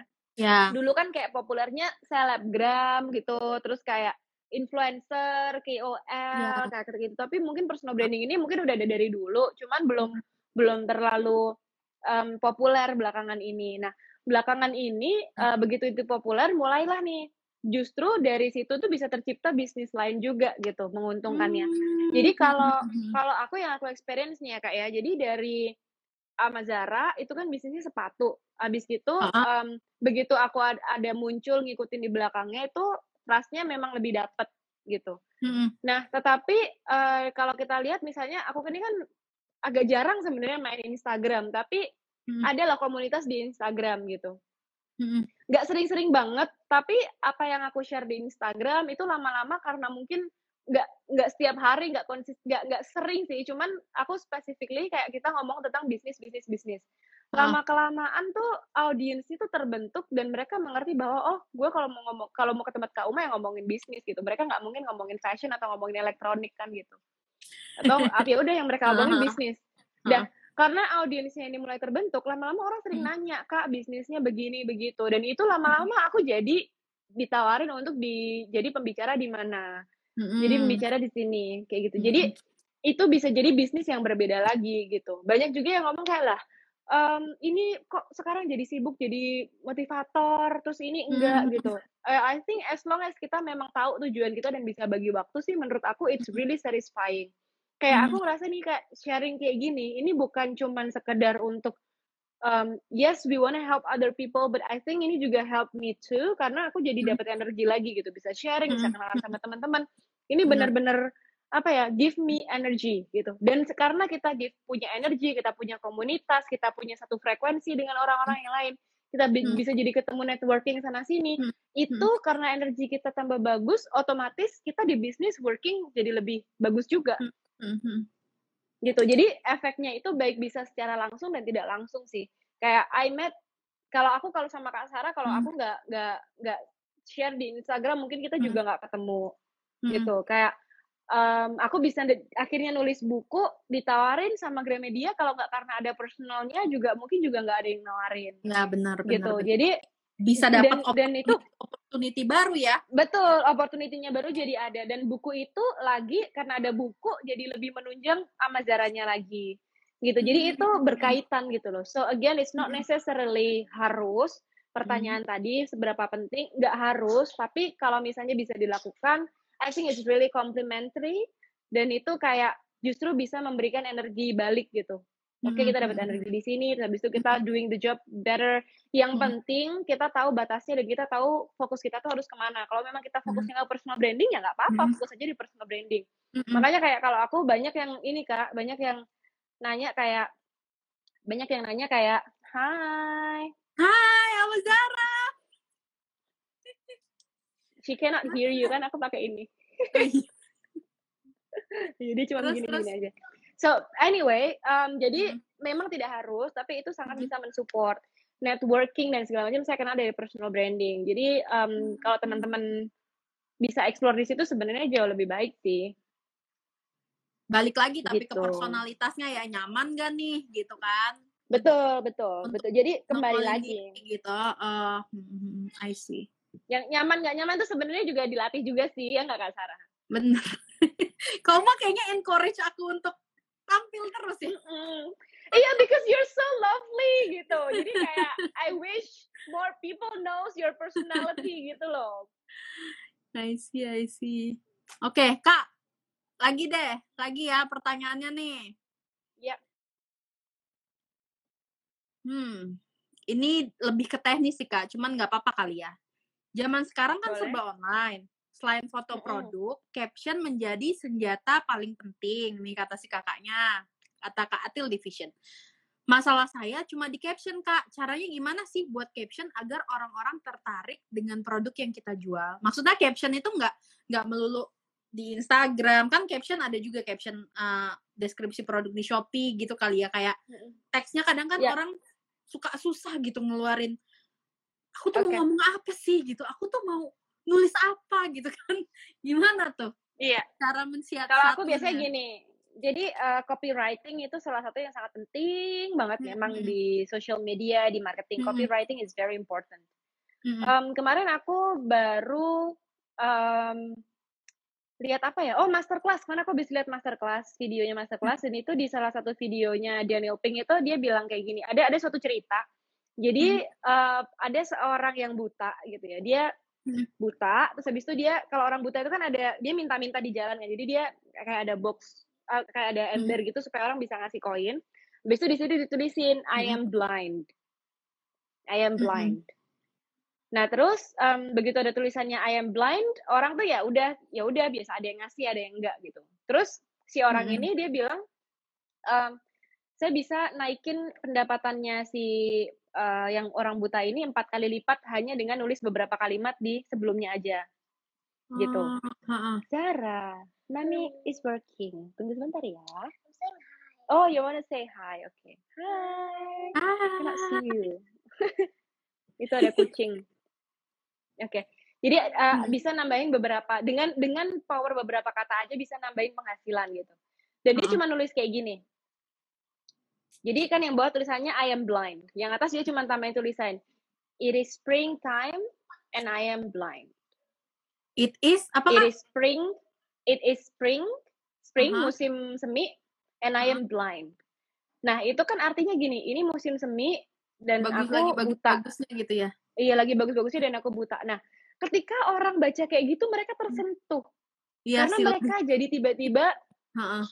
jadi tiba-tiba tuh mereka bisa kontras. Mereka jadi bisa Mm-mm. merasakan aduh betapa beruntungnya ya gue tuh punya mata gitu. Tapi Mm-mm. kalau cuma tulisan I am blind aja eh, nggak akan sepowerful itu. So that's the power of ya words. Cuma dengan nambahin berapa aja. Dan bener setelah itu em, penghasilannya penghasilan dia bucketnya emang bener-bener naik karena orang tersentuh kan. Hmm. Nah, sekarang kalau kamu mau bikin caption, pikirlah bagaimana supaya itu bisa again kayak yang tadi aku bilang bisa relate ke yang membaca. Mm-mm. Jadi itu harus bisa relate karena kalau caption yang nggak relate, it's not gonna move other people heart. Jadi Mm-mm. kamu tadi ya kalau misalnya kamu ngikutin atau mungkin nanti kalau misalnya ini di share sama Kasara bisa lihat yang section-section depan. We talk a lot about bagaimana caranya bisa bikin konten yang relate ke audiens kita. Nah itu, jadi make sure yang ditulis itu benar-benar bisa relate. Biasanya Mm-mm. em, kalau aku itu aku pancing Mm-mm. dengan cara nanyain 5W1H. Kalau aku biasanya dipancingnya dari Oh, situ. pancingin dari sana Jadi gampang aja 5W1H. Oke, apa Mm-mm. apa apa apa terus dari situ ada nggak poin yang menarik nih yang kira-kira bisa relate ke audiens kita. Mm-mm. Ada nggak satu poin dari 5W1H ini yang kayaknya oh ini menarik nih kayaknya audiens Mm-mm. kita bisa relate nih Mm-mm. kayak gitu. Jadi uh, biasanya dari 5W1H itu ditulis Mm. kemudian em, itu yang pertama, yang kedua make sure kamu tuh always specific. Jadi kamu tuh nggak boleh kayak gini. Earplug ini bagus, itu nggak boleh. Bagus itu gimana? Bagus itu apa? Jadi kamu have to be very specific. In writing something you have to be specific. Misalnya kamu ngomong kayak gini. Misalnya apa ya? eh, kemarin mungkin bulan lalu kali ya, aku udah lama banget juga ngepost. Postingnya kan agak jarang. Cuman kalau aku ngepost, my caption itu always well thought. Gitu. Mm-mm. Maksudnya aku selalu berpikir dan bawa di hati dan kira-kira what what is it something yang aku memang pengen share gitu. Dan di situ biasanya aku kayak gitu Kak 5W1H itu terus Mm. habis itu ketika nulis em, aku tuh always specific misalnya ya instead of nulis kayak em, tadi aku habis baca buku misalnya gitu. Ah, Itu nggak spesifik. Tapi Ah. kalau kamu bilang tadi aku habis baca bukunya em Garage Door misalnya. Yang ini ini Ah. ini. Itu jauh konten konten dan konteksnya jadi jauh langsung lebih spesifik. Tadi aku Mm-mm. habis baca bukunya ini, misalnya kayak gitu. Itu udah langsung naikin. Jadi be very specific in the words. Terus misalnya kayak ngomong, Saya bilang kayak gini, ada sebuah research yang mengatakan bahwa baju biru itu bagus meningkatkan um, meningkatkan Trust. confidence. Itu Confidence. kurang itu kurang kurang spesifik gitu. Kalau kamu harus ngomong sebuah research dari Business Harvard Review mengatakan bahwa ini ini. Jadi be very specific. Itu penting. Mhm. Jangan cuman jangan pernah ngomong baik, bagus. Itu nggak spesifik. Baik itu gimana, bagus itu gimana. So be very specific with your words ketika itu caption. Yang pertama itu, yang kedua, terus yang ketiga, selalu kasih call to action. Jadi, Call to action. audiens kamu itu nggak mau call to action. So your audience itu nggak suka kalau mereka tuh dibiarin aja. Mereka tuh harus ada call to action misalnya. Kom- harus di guide, harus ke mana betul. Suruh komen kah, suruh klik link di bio kah, suruh share kah, suruh save kah, atau suruh, hubungi mikir sendiri. kah? Heeh. Iya, jadi jadi jangan malu, jangan ragu untuk nyuruh mereka ke suatu tempat karena ketika mereka tidak tahu apa yang mereka lakukan, Mhm. justru jadi nggak menarik gitu. Jadi oh ya ya udah terus what is the next the next thing that I should do? Mereka udah sampai bottom, terus mereka bingung kan mereka mau ngapain. Jadi selalu kasih call to action. Kalau di banner itu kayak ada banner order now while Ya. it lasts gitu. Mhm. Jadi harus harus ada call to actionnya lah gitu. Mhm. Itu sih kak. Oke. Tuh ya I untuk hope it helps. bener. Tadi berarti be very specific. Kalau bisa sih malah mm, kalau kata baik bagus itu kan sebenarnya subjektif ya kak ya. Tapi kalau misalnya General general itu. mm-mm, ya general gitu. Kalau misalnya kita spesifik kan kadang orang bisa lebih relate gitu ya, karena kitanya lebih Mm-mm. Heeh, heeh, I see. Terus udah gitu ujungnya coba dikasih call to action ya untuk Kak Iya, Atil. jadi di akhir caption Hmm. kasih call to action. Itu rules, nggak Mhm. boleh. Saya kalau misalnya ngomong juga nggak boleh, nggak ada call to action ya. Jadi Mhm. intinya kamu ngepost ini tuh supaya orang tuh ngapain gitu. Mau Ya, suruh mereka cek ke Shopee, mau suruh Mhm. mereka mikir sendiri atau suruh mereka ngecek ukuran kakinya atau apa, ya harus ada call to actionnya. Kalau enggak kamu you're wasting people's attention kan. Oke. Tuh dijawab. Iya iya iya nangkep saya. Oke. Mantap. Semoga ngebantu ya. Iya.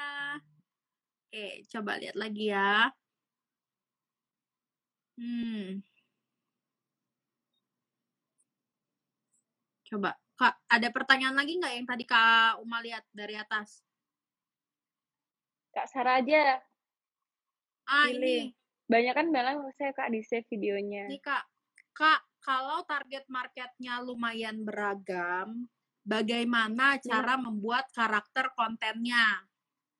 Kalau target marketnya dia ini beragam, mungkin maksudnya nggak begitu niche, gitu, Beragam, tapi lebih general gitu loh. Kayak produknya itu bisa dipakai sama Mm. siapa aja, atau enggak kakaknya emang punya banyak segmen gitu. Nah itu buat karakter kontennya so- gimana? Balik lagi ke yang tadi ya, ke Hmm. karakter tadi. Mm-mm, kalau iya kalau karakter itu karena gini ya kalau kamu if your product is for everyone it's basically for It's nobody For nobody, kayak kalau ya. kamu berusaha mentargetkan misalnya kayak gini misalnya kayak aku misalnya ngomong halo semuanya apa kabar kamu baik-baik aja kan gitu terus habis itu dibandingin dengan aku ngomong kayak halo kak Sarah which one Hmm. feels more authentic Yang yang halo terakhir kasar kan. dong. Ah, Iya, jadi justru semakin kita bisa spesifik, misalnya kita ngomong kayak gini, oke, sepatu Amazara ini adalah sepatu untuk semua orang gitu, semuanya bisa Hmm. pakai dari bapak-bapak, dari ibu-ibu, dari yang umur tua, umur muda, semuanya bisa pakai. Tertarik nggak? mm, Kan kayak, it- kayak, aduh ini cuma pasaran deh berarti gitu. mm, mm, mm, mm. So in your marketing, you have to be able to say that your product is not for everyone. Jadi produk ini adalah untuk kamu yang memang you know confident woman yang memang kepengen nyaman di sepatu kamu. Jadi ini bukan buat kamu yang eh, nyam bukan buat kamu yang rela kakinya lecet supaya kamu kelihatan cantik. It's not for you. It is Hmm. for you yang kepengen um, being confident, Mm, mm. just being who you are. Kamu yang pengen konsen Hmm. berkarya, kemudian Hmm. kamu yang nyaman dengan um, jalan hidup kamu sendiri. Kamu yang yang Hmm. kamu yang suka pakai sepatu yang nyaman lah casual gitu.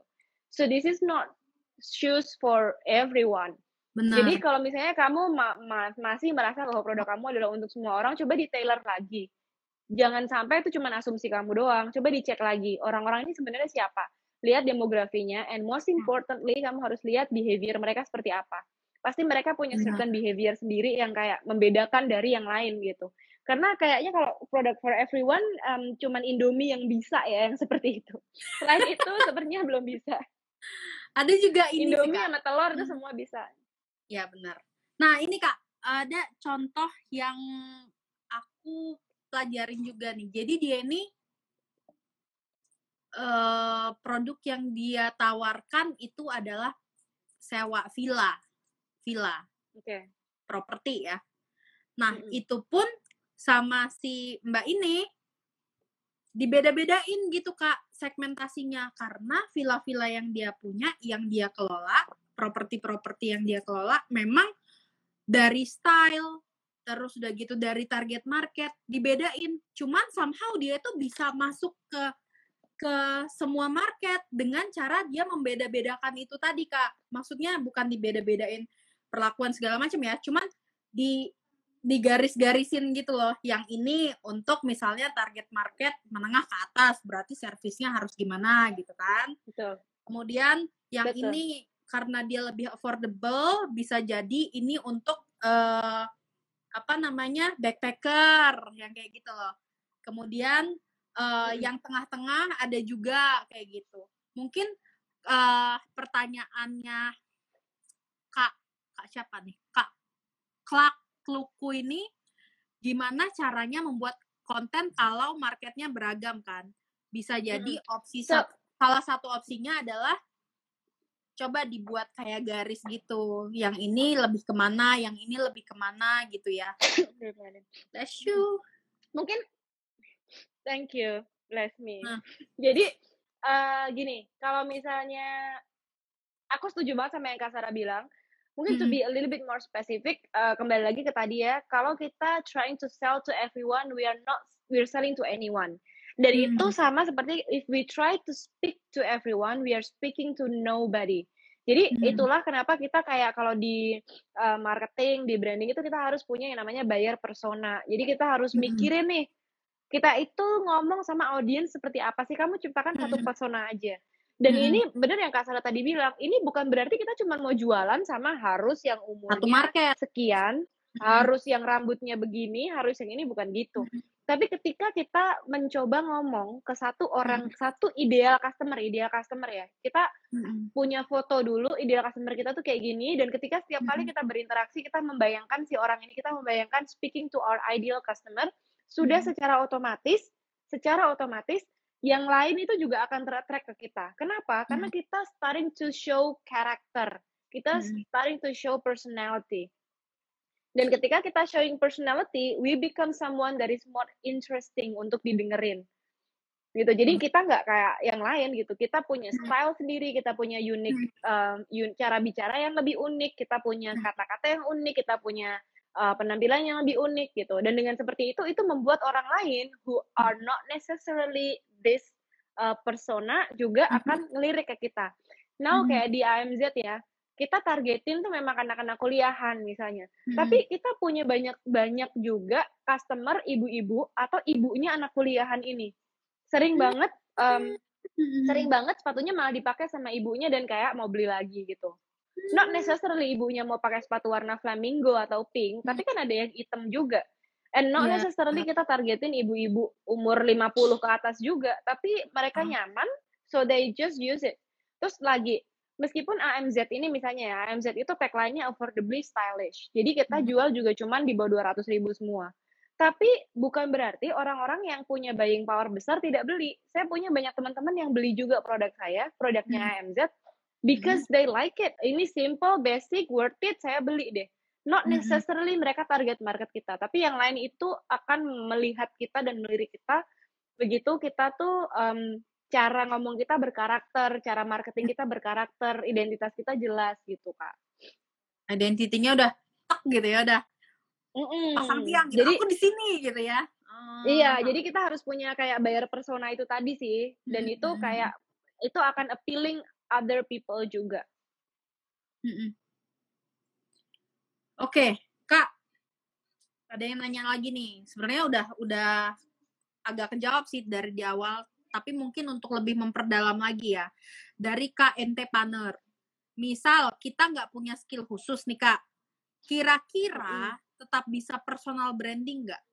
Kalau bisa, kalau bisa apa bisa menarik kontennya gitu? Karena kita kan nggak punya personal branding atau skill khusus gitu. Oke. Jadi sebenarnya kalau kamu nanya, saya juga ditanya skill saya apa, itu saya juga bingung sebenarnya skillnya apa ya. Personal branding is not about being expert and then you share something. No, kamu Mhm. actually kan sharing your experience. Nah sekarang pertanyaannya kamu punya experience nggak? Kamu punya cerita hidup yang mau dibagi nggak? Gitu. As long as kamu punya cerita, kamu mau kamu mau membagi prosesnya kamu. Ini Mhm. prosesnya aku berjualan, ini Mhm. prosesnya aku uh, jadi akuntan, ini prosesnya aku jadi profesional, ini prosesnya Mhm. aku pindah negara. Mhm. Then done, you have a content. Jadi kalau misalnya Mhm. ngomongin tentang skill, nggak punya skill, itu aku aku juga sekarang nggak ngerasa aku punya skill yang kayak spesifik untuk di-share gitu. Cuman I would like to share about my Mhm. experience, I would like to Mhm. discuss about experience aku di dunia bisnis gitu. Dan ternyata itu um, relate to other entrepreneurs. Mhm. Jadi sebenarnya membuka proses itu yang Mhm. yang penting. Regardless kamu fail atau sukses, Mhm. kalau kamu start sharing, kamu start discussing, kamu bisa dapat feedback dari orang, kamu bisa Mhm. ngobrol sama orang. Mhm. I think itu udah enough. Jadi yang yang penting itu adalah genuine um, talk about the process karena proses itu never wrong. Nanti Iya, kalaupun kamu ternyata resultnya nggak bagus, ya kan kamu talking about the process gitu. You don't even talk about the ending itu kamu nggak menjanjikan kamu akan benar gitu. Tapi kamu share Iya. aja tentang what you know. Aku juga pernah baca eh, dari Gary V sih. Dia bilang sebenarnya konten atau apa pun yang kita sampaikan ke sosial media itu nggak perlu perfect. Yang penting tuh lo mau dulu gitu sharingnya gitu kan. Lo Mm-mm. mau dulu untuk mulainya, untuk terus nyarinya gitu. Ya. Anyway, kalau kita ngomongin kayak kita perfect baru ini kita nggak akan share-share sih. Maksudnya kayak Benar. what is the definition of perfect? Kayak mm, malah jadi beban gitu loh. Dan I Iya. think sharing and personal branding itu shouldn't be about beban. Karena ketika beban itu kelihatan sih, orang bakal ngelihat kayak ini orang Iya. kayak kaku banget dan dan berusaha banget terlalu berusaha gitu. Dan itu malah Iya. membuat kita tidak atraktif. Jadi ya udah jadi apa adanya aja. Yang penting kalau aku gini sih, pasrah aja lah orang tuh mau menilai kita bagaimana gitu. Toh kita bener kita salah dinilai juga kok gitu. Kita bener aja dinilai kita salah apalagi. Jadi ya sudah kita kita pasrahkan saja orang mau menilai kita gimana itu tidak bisa kita Uh-uh. kontrol. Jadi ya udah biarin aja. Yang penting kan kita niat mau sharing. Kalau mau dengerin ya dengerin. Kalau enggak ya nggak usah dengerin. Kalau mau kalau mau ngomongin ya silahkan gitu. Kita toh nggak bisa Mm. kontrol gitu. Jadi yang penting lego aja lah udah lah gitu Hmm. maksudnya nggak usah terlalu dibuat-buat nggak usah terlalu di Hmm. setting-setting yang penting udah kita spesifik ini kita Hmm. happy ngomongin ini ya udah dilakuin aja aku rasa sih Benar. gitu Kak, untuk KNT, ya KNT, KNT ini kalau misalnya nggak punya skill khusus, ya udah lakuin aja gitu ya. Apa skill apa yang sekarang dibisa, yang yang memang kakak ngerasa, oh iya aku beda loh dari yang lain, aku bisa ini mungkin sesuatu yang orang nggak nggak banyak orang bisa gitu. Nah, ya udah mungkin bisa diperdalam. Yang penting tuh dimulainya kan ya kak ya. betul dan yang penting tuh you share the process aja jadi kalau karena ketika kamu pun nanti udah ada di tempat di mana kamu ngerasa expert gitu ya kamu tetap nggak akan ngerasa expert sih. Kayak Oh, mungkin sekarang ada yang pada dengerin di sini dengerin oh daging ya kak gitu. Aku pun sebenarnya nggak ngerasa kayak oke ah, ini tuh pak udah bagus banget terus kayak I know this Hmm. is the skill terus kayak aku share enggak Hmm. gitu. Sebenarnya kita kan we just discuss kita cuma ngobrol aja kan kayak ini kayak, ber- mengalir aja gitu tapi kalau ada orang ada orang yang merasa bahwa oh ini kontennya bermanfaat ya gitu ya alhamdulillah puji Tuhan kan ini bisa bermanfaat buat kamu juga gitu cuman kalau Hmm. kita berpikir dengan oke aku harus live dengan konten yang sempurna itu kamu malah nggak live live nanti Iya bener sih, malah susah nggak ya kalau dilakuin gitu ya. Iya. Mm-mm, Oke.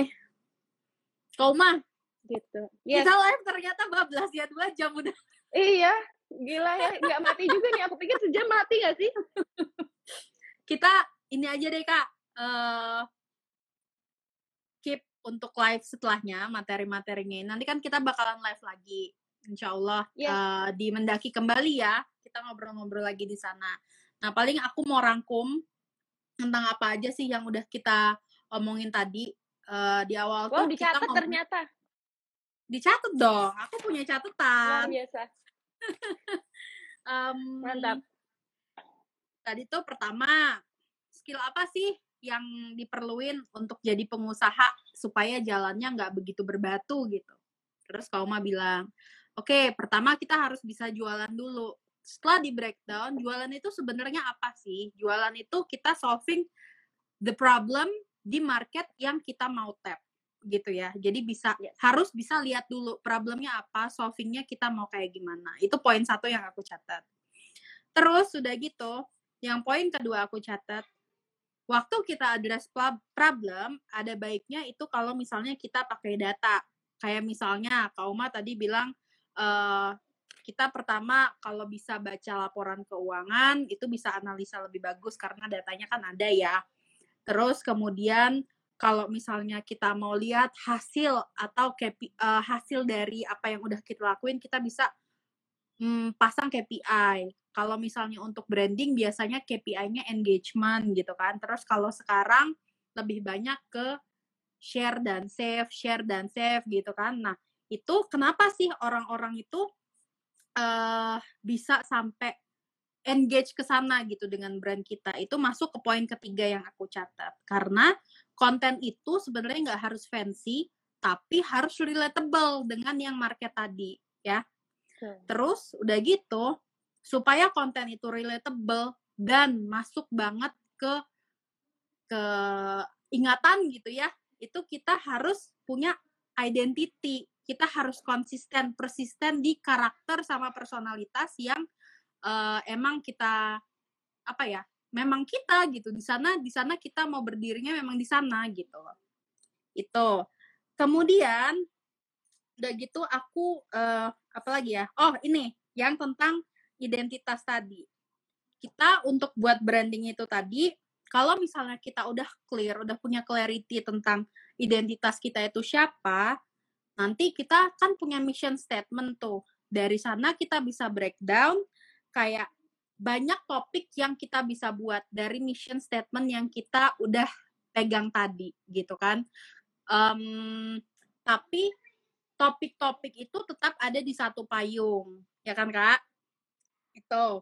Tuh. Kemudian um, aku juga belajar dari Kak Oma tentang ini. Oke, okay, ujung-ujungnya kan kalau kita buat konten itu kita pengen yang convert into sales kan.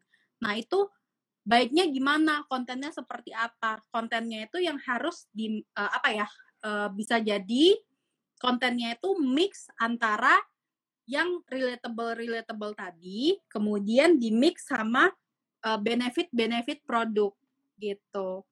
Terus udah gitu uh, belajar lagi tentang gimana caranya kita uh, ngasih value gitu. Kalau misalnya kita produknya adalah jasa, kan nggak semuanya di sini produknya barang gitu. Walaupun barang, tapi kita bisa kasih value lebih gitu untuk si audiens kita waktu dia menggunakan jasa kita atau beli produk kita gitu kan. Jadi nggak melulu uh, harus perang harga, tapi audiens kita tuh bakal lebih suka kalau kita kasih value lebih ke dia gitu loh. Ya kan? Terus udah gitu, aku juga belajar kalau misalnya kita buat konten, jangan Rajin lupa, amat nyatetnya ya. Lengkap loh. jangan lupa be very specific gitu kan. Jadi um, kalau kita ngomongnya itu cuma general, oh iya produknya bagus, oh iya produknya baik, itu kayak di benak orang tuh kurang uh, masuk gitu. Tapi kalau kita lebih spesifik, dia bakal lebih ingat. Ya kan, Kak? Nah, terus setelah itu, ah itu juga bisa dipancing kalau misalnya kita nggak tahu copywritingnya yang bagus kayak gimana, bisa dipancing dengan 5W1H tadi. Jangan lupa di ujungnya dikasih call to action. Gitu, Betul. ya. Terus udah gitu, aduh banyak sih, cuman aku agak berantakan. Nanti di fotokopi loh sama yang lain. Terus udah gitu, hmm, udah lanjut aja. Kalau misalnya kita sekarang belum ketemu kita identitasnya di mana, keep looking. Nggak boleh kayak misalnya kita nyoba tiga kali terus sudah gitu nggak nggak berhasil terus kita berhenti sampai di sana. Coba sampai 50 kali coba sampai 100 kali. Karena yang namanya usaha itu yang nggak instan terus langsung semua kayak apa namanya menang undian gitu kan enggak harus selalu dicoba dicoba dicoba. Itu yang ngebuat um, apa ya yang ngebedain pengusaha yang benar-benar emang dari dalam dia ini pengusaha atau pengusaha yang musiman gitu kan. Kayak kalau memang dia apa hmm, jiwanya memang bergerak di sana gitu di dunia usaha dia tuh bakal tahu oh iya yang namanya usaha itu pasti ada step loh. Pasti pasti lama-lama kayak misalnya kita naik level loh gitu kayak kalau di game gitu kan dari level newbie terus udah gitu ada problem lagi kita jadi bisa tambah skill lagi Nah, itu naik lagi, terus udah gitu nanti datang lagi, masalah lagi gitu kan. Nah, terus kita naik naik level lagi kayak gitu ya, Soma. Terus apalagi ya, Kak? Betul. Banyak sebenarnya, cuman aku kalau nggak catat nggak inget. Um, Koma ada yang mau ditambahin lagi nggak? Itu udah banyak banget dan kayaknya udah dicatat semua deh dari tadi. Oke, okay. ya udah kalau gitu uh, kita tutup sampai sini dulu nggak apa-apa ya, Koma ya. Nanti kita lanjut lagi. Terima kasih banyak ya Kak Sarah sudah. Makasih banyak aku yang makasih banyak sama Kak Uma karena udah mau temenin live siapa lagi. iya dong. Ini tadi dari tadi lumayan loh pada pada info banget nanya-nanyanya. Mm-mm, makasih juga. Thank you so much for staying ya teman-teman. Ya, mm. semoga apa yang udah di share di sini bisa uh, kasih apa ya? Mungkin ada yang jadi semangat, mungkin ada yang jadi pengetahuannya nambah, mungkin ada yang bisa, oh iya aku udah tahu sebenarnya itu gitu, tapi aku sekarang ingat lagi gitu ya. Aku juga tadi beberapa, Betul. oh iya ya aku harus gini, oh iya ya aku harus gini kayak gitu. Nah aku thank you banget untuk Kauma, thank you juga untuk kakak-kakak yang udah nonton, ini aku pertama kali loh kak live terus yang nonton banyak Emang biasanya berapa yang nonton? Nah, ya, sekali ya, lagi teman-teman kalau nonton tidak kalau kalau live live aja tidak boleh didefinisikan dari berapa yang nonton dan berapa yang ya, like karena banyak sih, banget Kak Sarah.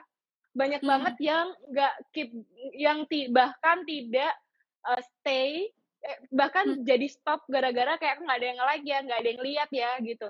Well, mm-hmm. you have to keep doing that gitu. Kalau kita cuman ngelihat kayak save uh, live cuman kalau ada banyak viewsnya kita nggak live live gitu. Iya. Yeah, Kadang bener. kayak kalau misalnya lagi live di kan kita punya close reseller Instagram reseller gitu ya. Mm.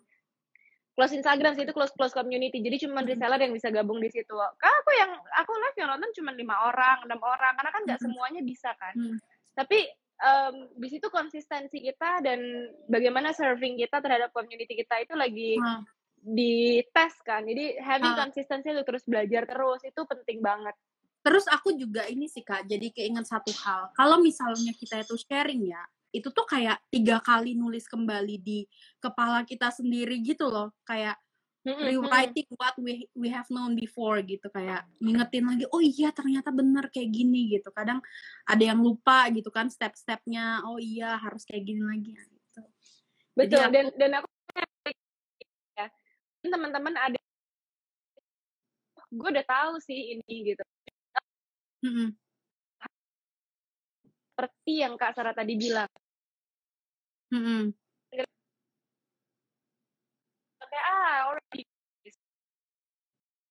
kalau kita berpikir kita menutup diri untuk bisa gitu jadi mm-hmm. ketika itu iya sih udah tahu. Tapi coba deh lihat dari sudut pandang yang berbeda. Atau mungkin ini oh ya hmm. mengingatkan kembali ya gitu. Meskipun udah tahu tapi aku baru inget lagi nih soal ini gitu. And I think yeah. itu juga kenapa kalau teman-teman mau share share aja sesuatu yang you genuinely care about. Kalau yang denger nanti ngerasa ah itu mah gue udah tahu it's their business. Itu bukan tanggung jawab kamu. Terserah orang mau mikir kayak benar, gimana. benar yang penting kita punya maksud baik kita mau share. Ya kalau dengerin silahkan kalau mau ngomongin silahkan kalau mau komentar silahkan itu terserah anda. Yang penting kita sudah melakukan yang terbaik menurut kita aja gitu. Benar benar benar. Ya. Kau mah oke. Okay. sampai jumpa lagi ya di live berikutnya. Aku makasih kau mah bye Zara. Dadah. Thank you.